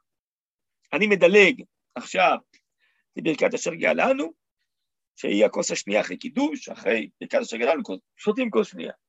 ברוך אתה השם אלוקינו מלך העולם, אשר גאלנו וגאל את אבותינו ממצרים. והגיענו ללילה הזה, לאכול בו מצה ומרור. עוד פעם אתם רואים קודם מצה ואחרי זה מרור. כן, השם אלוקינו ואלוקי אבותינו, ירגיענו למודים ולרגלים אחרים. ובאים לקראתנו שלום, שמחים בבניין עיריך וששים בעבודתך ונאכל שם מן הסופים ולפסחים, אשר יגיע דמם על קיר מזבחך לרצון, הכוונה היא זריקת הדם שהיא מכפרת, ואז נודה לך שיר חדש על גאולתנו, ועבדות נפשנו, ברוך השם גאל ישראל, ושותים כוס שנייה. טוב, אני רוצה לחזור רגע ללפיך. להודות, על לשבח, יש פה עשרה לשונות של שבח, והאחרונה, העשירי זה הללויה, אומר הגר"א, זה כנגד עשרת המכות, עשרת הדיברות, עשרה מאמרות, שמופיע בעשר. אבל כאן יש חמישה ביטויים שלכאורה נראים סתם כפולים, ולא כך הדבר. עבדות לחירות, מיגון לשמחה, אבל ליום טוב, הפעלה לאור גדול, שבו לגאולה. אז אני מכיר לזה שני פירושים, אחד של ספר מעשה ניסים, ושניהם מסבירים שזה התהליך ההיסטורי. הוא מסביר, מעבדות לחירות זה במצרים, ויציאת מצרים. מיגון לשמחה זה היציאה מבבל. וכתוב שבזמן נבוכדנצר הרשע, איש לא העז להרים את ידו ואת רגלו, היה פחד גדול, היה יגון בעולם. אבל ליום טוב זה פרס, הייתי בתארה ושמחה. נפלה לאור גדול זה יוון, שהכשיר עיניהם של ישראל בגזרות. שיבוד לגאולה זה אין בין אדם הזה לבות המשיח, אלא יציאת שיבוד מלכויות, יציאה מרומי, שיבוד לגאולה. זה כנגד מלכות רביעית, אז הנה פה בתמצית כל ארבע מלכויות. לפי דעת הגר"א, זה גם התהליך ההיסטורי, אבל לא קשור לארבע מלכויות, אלא לשלבים של יציאת מצרים. עדות החירות יציאת מצרים. יגון לשמחה זה על הים, שאמרו שירת הים. אבל ליום טוב, זה הר סיני ויום הכיפורים, שנמחלו עוונותיהם של ישראל וקיבלו לוחות שניות. הפעלה לאור גדול, זה מהמדבר לארץ ישראל, שנכנסנו ארצה בזמן יהושע. שיבוד לגאולה, זה מימות השופטים, לדוד ושלמה, שהכרנו מלכות ישראל ולא היינו משועבדים לגוי. טוב, אבל אני רוצה להעיר עוד משהו, שכאן כתוב, בלפיכך, למי שעשה לאבותינו ולנו. קודם אבותינו, אחרי זה אנחנו. וגם בסוף נאמר, ונאמר לפניו שירה חדשה הללויה, שירה בלשון נקבה. עכשיו דלגו איתי לברכת אשר גאלנו, וננסה ללמוד רגע אותה. אשר גאלנו, יגאל את אבותינו. קודם מזכירים את עצמנו, ואחרי זה את אבותינו, לא כמו קודם. אבל מה הפשט של הברכה הזאת? כמו שגאל אותנו ואת אבותינו ממצרים, דהיינו מדברים על האהבה, והגיענו הלילה הזה לאכול במצב ומרור, אותו דבר כן נזכה לגאולה העתידה. כן, השם אלוקינו ואלוקי אבותינו, יגיענו למועדים ולהרגלים החיוביים, הבאים לקדמנו לשלום, אבל המועדים הבאים שנזכה להם, שמחים בבניין יראיך, זה כבר יהיה בבית המקדש. וששים בעבודתך, ונאכל שם מן הזבחים ומן הפסחים, שיגיע דמם על קיר מזבחה לרצון, ואז נותן לך שיר חדש, קודם זה היה שירה חדשה, פה זה שיר חדש. על גאולתנו זו הגאולה האחרונה, ועבדות נפשנו זה יציאת מצרים. ברוך השם גאל ישראל, שזה יציאת מצרים. כלומר, הלפיכך עוסק בעיקר ביציאת מצרים. בברכה הזאת אשר גאלנו, זה כמו שיצאנו ונגאלנו אז, גם נגאל לעתיד לבוא. אבל מה ההבדל? למה קודם הזכרנו למי שעשה לאבותינו ולנו, ופה גאלנו, קודם אנחנו וגאלת אבותינו. ההסבר הוא שכשדיברנו על העבר, על יציאת מצרים, אז קודם אבותינו, אחרי זה אנחנו. אבל כשאנחנו אומרים לגאולה העתידה, המדרגות הרי אמרנו של האומה שהולכת ויוצאת לפועל יהיו יותר גבוהות מאשר היה ביציאת מצרים. לכן זה קודם אנחנו, ואחרי זה אבותינו. זה כמו ננס על גבי ענק. כמו שאומרים בתפילת שמונה עשרה, אלוקינו ואלוקי אבותינו, מסביר שם הרב קוק, כי מה שמופיע בדורות האחרונים זה יותר ממה שמופיע בדורות ראשונים. אז ביחס לעבר הם קודמים, הכל מכוחם. ביחס לעתיד, הדורות הבאים מוצאים לפועל מדרגות שעוד לא היו בדורות הראשונים. אותו דבר ההבדל, עוסקים בעבר זה שירה חדשה, זה נקרא בחז"ל גאולה שיש לה הפסק. עוסקים בעתיד זה שיר חדש. גאולה שאין לה הפסק. למה? כי נקבה היא משתנית, פעם היא בהיריון, פעם היא יולדת, הזכר הוא קבוע. אז הגאולה שיש לה הפסק היא בלשון נקבה, זה שירה חדשה, זה בא לפיכך, על יציאת מצרים. ולעתיד לבוא, על הגאולה העתידה שהיא הקבועה, זה שיר חדש בלשון זכר. טוב, אז אם כן ראינו את הקשר, אבל צריך עדיין להבין, למה חתכנו את ההלל ואמרנו רק שני פרקים? ההסבר הוא גם כן פשוט. כי חז"ל אומרים שבהלל יש חמישה דברים, בריאת העולה בצד מצרים, חבלי משיח, גוג ומגוג, תחיית המתים. בריאת העולה בצד מצרים זה היה, זה לפני הסעודה. חבלי משיח, גוג ומגוג, זה לעתיד לבוא, זה אחרי הסעודה. והסעודה היא באמצע, חותכת בין העבר לבין העתיד. בסדר? ותכף נראה שאחרי הסעודה באמת עוברים לעתיד. אז עכשיו רחצה, מוציא מצה, מרוק עורר, שולחן עורר, צפון ברך, והלל זה באמת, תכף נראה, המשך החצי השני של ההלל. אבל לפני זה, דלגו איתי בבקשה לשפוך חמתך אל הגויים, שאחרי הסעודה, אחרי ששותים כוס שלישית על ברכת המזון, מוזגים כוס רביעית, שאותה אמורים לשתות בסוף, וכוס חמישית לאליהו הנביא, אומר הגר"א, יש מחלוקת האם מוזגים כוס חמישית ושותים אותה או לא, לכן מוזגים ולא שותים. ומה זה הכוס חמישית? זה כנגד לעתיד לבוא, והבאתי אתכם אל הארץ, הוצאתי, ביצעתי והגעתי לכך והבאתי, לעתיד לבוא. ולכן אה, רומזים, פותחים את הדלת לאליהו הנביא. אליהו הרי לא היה במצרים, הוא שייך לעתיד לבוא, הנה אנוכי שולח לכם את אליה הנביא.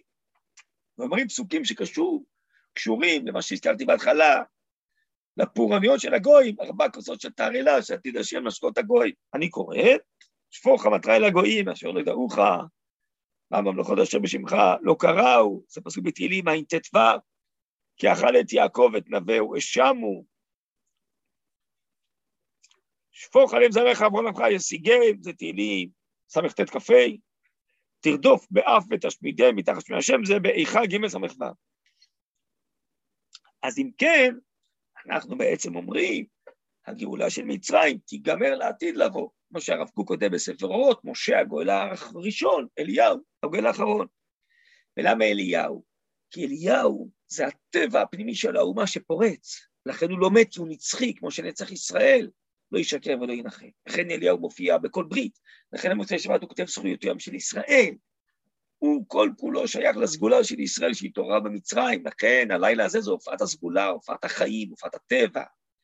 כיוון שהחיים של ישראל מופיעים, אז אלה זה משופר מן המזיקים, לא צריך להגיד כל קריאת שמע על המיטה, כי לעתיד לבוא שהלילה יהפך ליום, הרע יהפך לטוב, וכוחם של ישראל יצא לפועל במדורות, כבר לא יהיה רע בעולם ולא יהיה מזיקי. אז זה הכוח של אליהו הנביא, שצריך ללמוד על זה בלי נדר. הרבה, אבל זה הכיוון הכללי.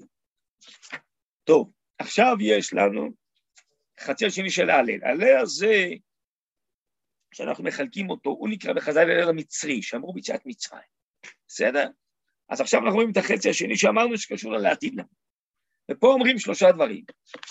את החצי השני של הליל המצרי, אחרי זה אומרים הליל הגדול. זה הודו להשם כי טוב, כי לא נם חסדו. גם מה שאומרים בשבת ויום טוב. זה 26 פעם כי לא נם חסדו, שהאלוקות מקיפה את כל המציאות. ואחרי זה דבר השלישי נשמת קולך, שזה גם כן, תמיד בשבת ויום טוב, זו ההופעה האלוקית הכוללת, המילה המרכזית שם זה קול. כן, כי לך, כל פה לך יודע, כל לשון לך תשב, והמילה קול, כמו בשבת, שזו ההופעה העתידית שקולטת את כל המציאות של השם אחד ושמו אחד. ואז יש בזה כמה נוסחים, אבל הנוסח המצוי יותר, שממשיכים אחרי נשמת, כמו בשבת ויום טוב, שוכן עד, מקהלות, משתבח, ויעללוך,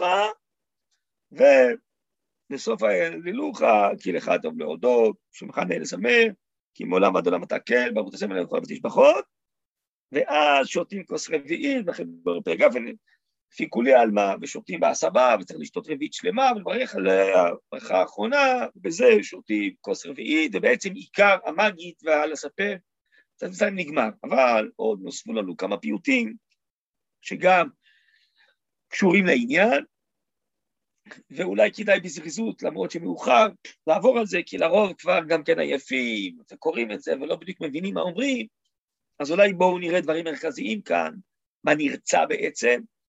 הנרצה הזה, יש אומרים, השלה אומר, מי שעשה כך מרוצה לשמיים, האבנני זה אומר שזו תפילה שהדברים ירצו לשמיים.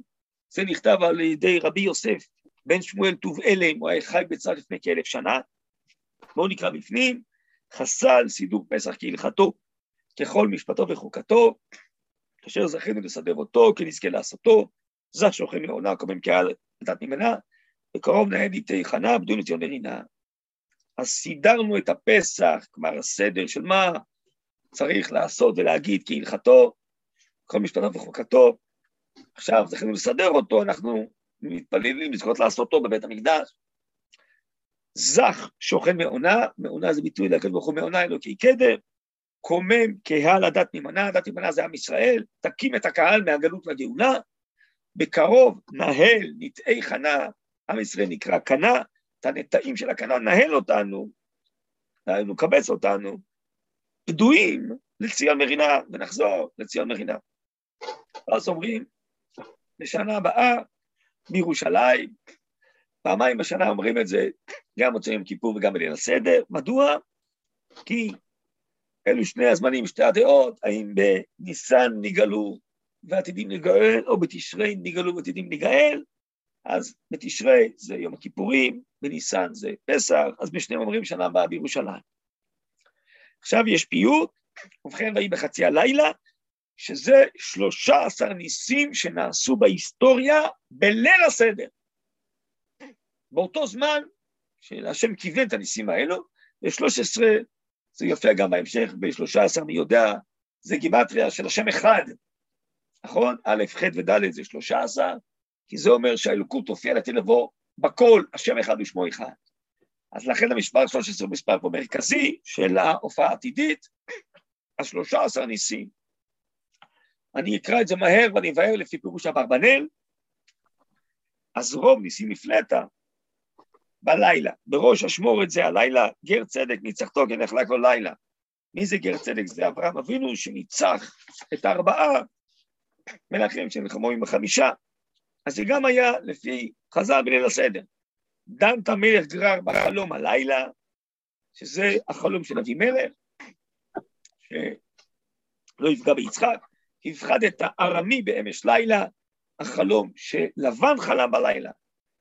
וישר ישראל למלאך ויוכל לו לילה, זה מלחמת יעקב ומלאך של עשיו, שרו של עשיו זה גם בעצם בלילה הזה. זרע בכורי פטרוס, מחצת בחצי הלילה, פטרוס זה מצריים, ונאמר, מצרים ילד את לודים ואת פטרוסים, אז מחצת את הזרע שלהם בלילה, חילם לא מצאו מקומם בלילה, חילם זה ממונם, לא מצאו כשהם קמו, ופה יש משפט קשה, טיסת נגיד חרושת, צילית לגוך בלילה. נגיד חרושת זה או נגיד זה שר של חרושת, זה רכב נחושת, או שיושב בחרושת הגויים. וזה כמובן רמז למלחמה של ברק בסיסרא, ברק בן אבינועם, עם יעל ודבורה, וסיליתא, בכוח וללה, סיליתא זה מה שאומרת דבורה בשירתה, שמן שמיים נלחמו הכוכבים ממסיל אותם. הלאה, יעץ מחרף אל עיווי, הובשת, גרה בלילה, המחרף זה רב שקד בשם סלחרים, הובשת בגרב שבבוקר ראו ש-185 אלף חיילים שלו גרים מתים, קרא בל למצבו באישון לילה, בל זה בבל, זה החלום של נבוכדנצר בלילה, זה גם בליל הסדר. לאיש חמודות נגלה הרס חזות לילה, איש חמודות זה דניאל, משתכר בכלי קודש נהרג בו בלילה, זה בלשצר הנכד של נבוכדנצר, שחשב שכבר עברו 70 שנה ולא תהיה גאולת ישראל הזאת, תתחיל בית המקדש, ובו בלילה נהרג, נושע מבור אריות פוטר ביתותי לילה, שזה דניאל, שזרקו אותו לבור אריות והוא ניצל, הוא פוטר את ביתותי הלילה, שנאה נתן רגגים ורתה ספרים בלילה, שזה מה שאמן הרשע כתב ספרים למסרת בלילה, עוררת נצחך עלה בליל שנת לילה, נצחך זה נצח ישראל, שנה תדע שנת המלך, שנת מלכו של עולם, כדי להפר את עצתו. פודורה תדרוך לשומר ממי לילה, שזה לעתיד לבוא, אתה תדרוך את מלכות רביעית, צרח כשומר בסך עד הבוקר וגם לילה. שזה כנגד הפסוק, שומר ממי לילה, שומר ממי ליל. שבעצם, הוא יודיע לנו שהלילה, שזה הגלות, משנה ללילה, זה גמרא בתחילת פסחים, היא נהפכת ליום של הגאולה. ואז זה מה שידעתי לבוא, הזכרתי קודם, קרב יום, אשר הוא לא יום ולא לילה, שזה הפסוק בזכריה י"ד ז', היה יום אחד הוא יוודע להשם, לא יום ולא לילה, והיה לה תרב יהיה אור. רם הודה, רם זה הקדוש ברוך הוא, כי לך יום הפלך הלילה, שומרים הפקד לך כל היום כל הלילה, ואז לעתיד לבוא תאיר כאור יום חזקת לילה ויהי בחצי הלילה. הפיוט הבא זה נאמר בחוץ לארץ ביום טוב השני, אז נדלג עליו. אחרי זה יש פיוט כי לא נאה, כי לא יאה, שזה עוסק במלכות השם. יאה זה ביטוי שני ליאה, עיני לאה רכות, התרגום אומר יעיין, וכאן הפיוט הזה נאמר באלף בית, כי תמיד אלף בית אומר המהר"ל, זה הופעת השם מאלף עד תף, שכוללת את הכל, אז לכן יש הרבה טעמים לקדוש ברוך הוא, אדיר, בחור וכולי, אבל צריך להבין שהמיוחד בפיוט הזה, שסוף כל בית, פעם זה הצדיקים, פעם זה המלאכים. גדודיו זה המלאכים,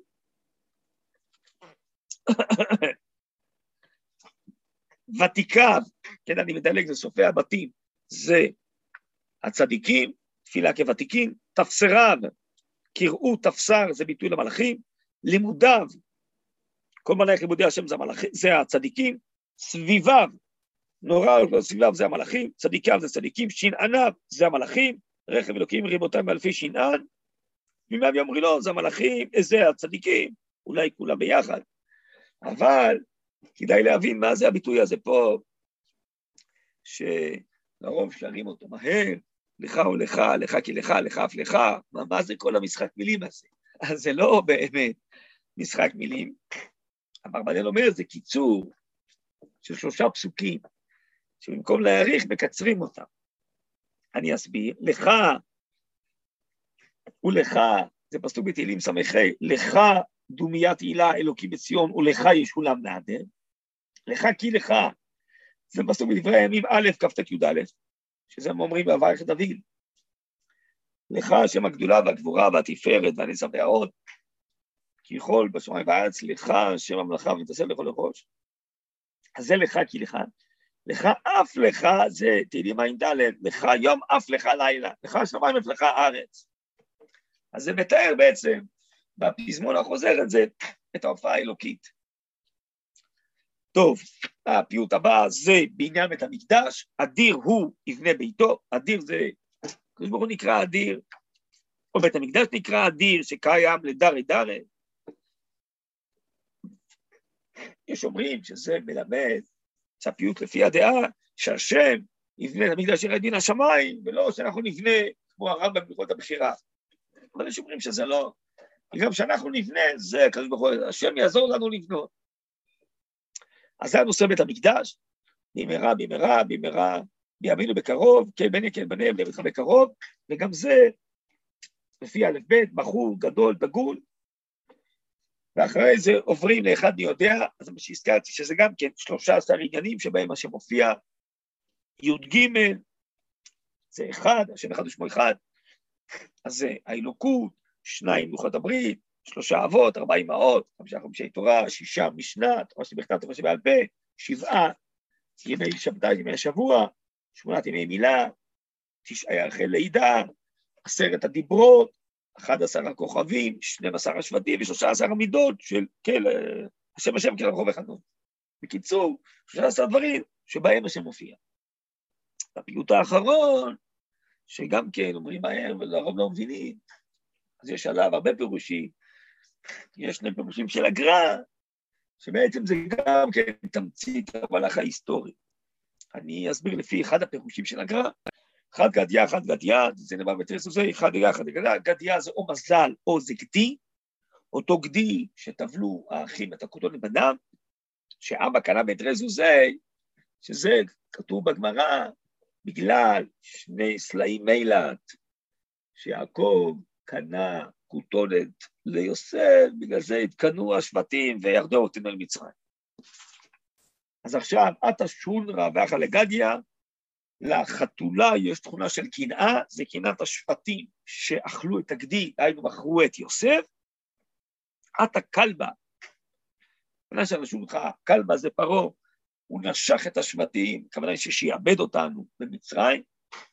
עתה חוטרא ויקל חלבה, חוטרא זה המטה של משה רבינו, שמכה את הכלב, ועושה תהליך היסטורי של יציאת מצרים עד הקמת בית המקדש הראשון, הכל זה פעולת החוטרא, דהיינו, בעצם יציאת מצרים, שזה הנושא המרכזי של המגיד פה, שאחרי 80 ו-400 שנה הגענו לבית ראשון. התנורא וסך לחוטרא, נורא זה האש שנבוכדנצר הצית. בית המקדש הראשון ששרף את מה שיצא מהחוטרא, זה שרפה בית המקדש הראשון. עתה מאיה וחבד הנורא, מאיה זה כנסת ישראל, כי מי שאנחנו הולכים לאט תמשלו למים, זה התורה של עזרא הסופר, שנמשלה למים, זה המים מכבים את הנורה, זה הקמת בית המקדש השני, מכבים את אש השרפה של בית המקדש הראשון, אבל אז בא תורה ושתה למאיה, תורה זה אדום, שיש להם כוח גדול כמו שור, הם שותים את בית המקדש השני, מחריבים אותו, ואתה שוחט ושחט לתורה. זה תהליך גאולת ישראל. של הדורות שלנו, משיח בן יוסף, שהוא נלחם במלכות רביעית, ומחלץ אותנו מידיו כדי לבנות את בית המקדש. זה תהליכי היציאה מן הגלות, חבלי משיח, ואז את המלאך המוות, שאנחנו שוחט. חז"ל אומרים שמשה בן יוסף ייהרג, הרב קוק אומר, זה מעבר מתחיית החול לתחיית הקודש, מהלאומיות לתורה, ואז בסוף, אתה הקדוש ברוך הוא שחט לבעל המוות, זה בא, ממש קדוש ברוך הוא, הכוונה היא הופעת השיח בן דוד, הופעת התורה, הופעת הקדושה, הופעת, כן, דוד עבדי נשיא עליהם לעולם, הערה אלוקית, רוח חדש לציון תאיר, של דעת השם תמלא את כל הארץ, והגאולה השלמה, שזה הסוף, התכלית, כפי שאמרנו בהתחלה, של יציאת מצרים. אז אם כן, בחד ידיעה בעצם הסברנו מה התמצית שהייתה מיציאת מצרים, ותכליתה הגאולה השלמה. אז אם כן, בעצם עברנו ככה במהירות ובזריזות על המהלך של הגדה של פסח, שמוליך אותנו מהעבר דרך ההווה לעתיד, ובעצם מלמד אותנו בכלל על פסח ועל יציאת מצרים, שזה היה עניינה ותכליתה, לא רק שאנחנו נחלץ מהמצריים, ולא רק שהמצרי ייוולד, ולא רק ש... השם יופיע בעולם, אלא באמת שנגיע בסוף לתיקון העולם, להתעלות העולם, תופעה שלמה של האומה הישראלית, של תורתה, של הערתה, כדי שבסוף יכירו וידעו כל יושבי תבל, ויהיה השם אחד ושמו אחד, ונגיע בעזרת השם לגאולה השלמה ולתיקון השלם של העולם. זהו, אז בעזרת השם שנזכה, כפי שאמרנו פה, שנה הבאה, שנה הבאה בנויה, בעזרת השם, השנה הזו, בניסן נגאלו, עתידים להיגאל, עם ישראל הוא נצחי, התורה היא נצחית, למרות כל הקשיים, גם בימים האלה, בדורות האלה, אבל אנחנו יודעים שאנחנו בתוך המהלך הזה, והגואל לעיתים נגלה ומתחסה ונגלה, יש עליות וירידות, כמו שאמרנו, מתחיל בגנות ומסיים בשבח, אז גם בתוך המהלך הזה יש הרבה גנות ושבח, גנות ושבח, והמהר"ל אומר לעיתים מדרגה מתפרקת, היא מכינה היעדר קודם להוויה, מתפרקת צורה כדי שנגיע לצורה יותר עליונה, וייתכן שאנחנו בימינו ממש, במה שהרב קוק דיבר, שיגיע זמן שתחיית החול תיחלש, והיא תאפשר את הופעת חיית הקודש. אולי זה מה שקראנו פה בחגדיה, מעבר בין משיח בן יוסף למשיח בן דוד, שנזכה לחיים טובים, לשמחה, לנו, למשפחותינו, לכל עם ישראל, לעולם כולו, לגאולה שלמה, במהרה בימינו אמן, חג שמח, יישר כוח גדול על הלימוד המפותח, על ההתמדה. נזכה בעזרת השם, לכל טוב ולגאולה שלמה. תודה רבה, חג שמח. תצליחו בכל, ואם מישהו ירצה אה, שלא יכל להיות איתנו, אז אה, מעיין חיים הקליט את זה, אז יוכל איכשהו לבקש את זה ממנו ולקבל. יופי, בעזרת השם, חג שמח ורק בשורות טובות לפרט ולכלל, בעזרת השם. שלום חבר'ה, שלום שלום. תודה רבה. בשמחה רבה, בשמחה רבה.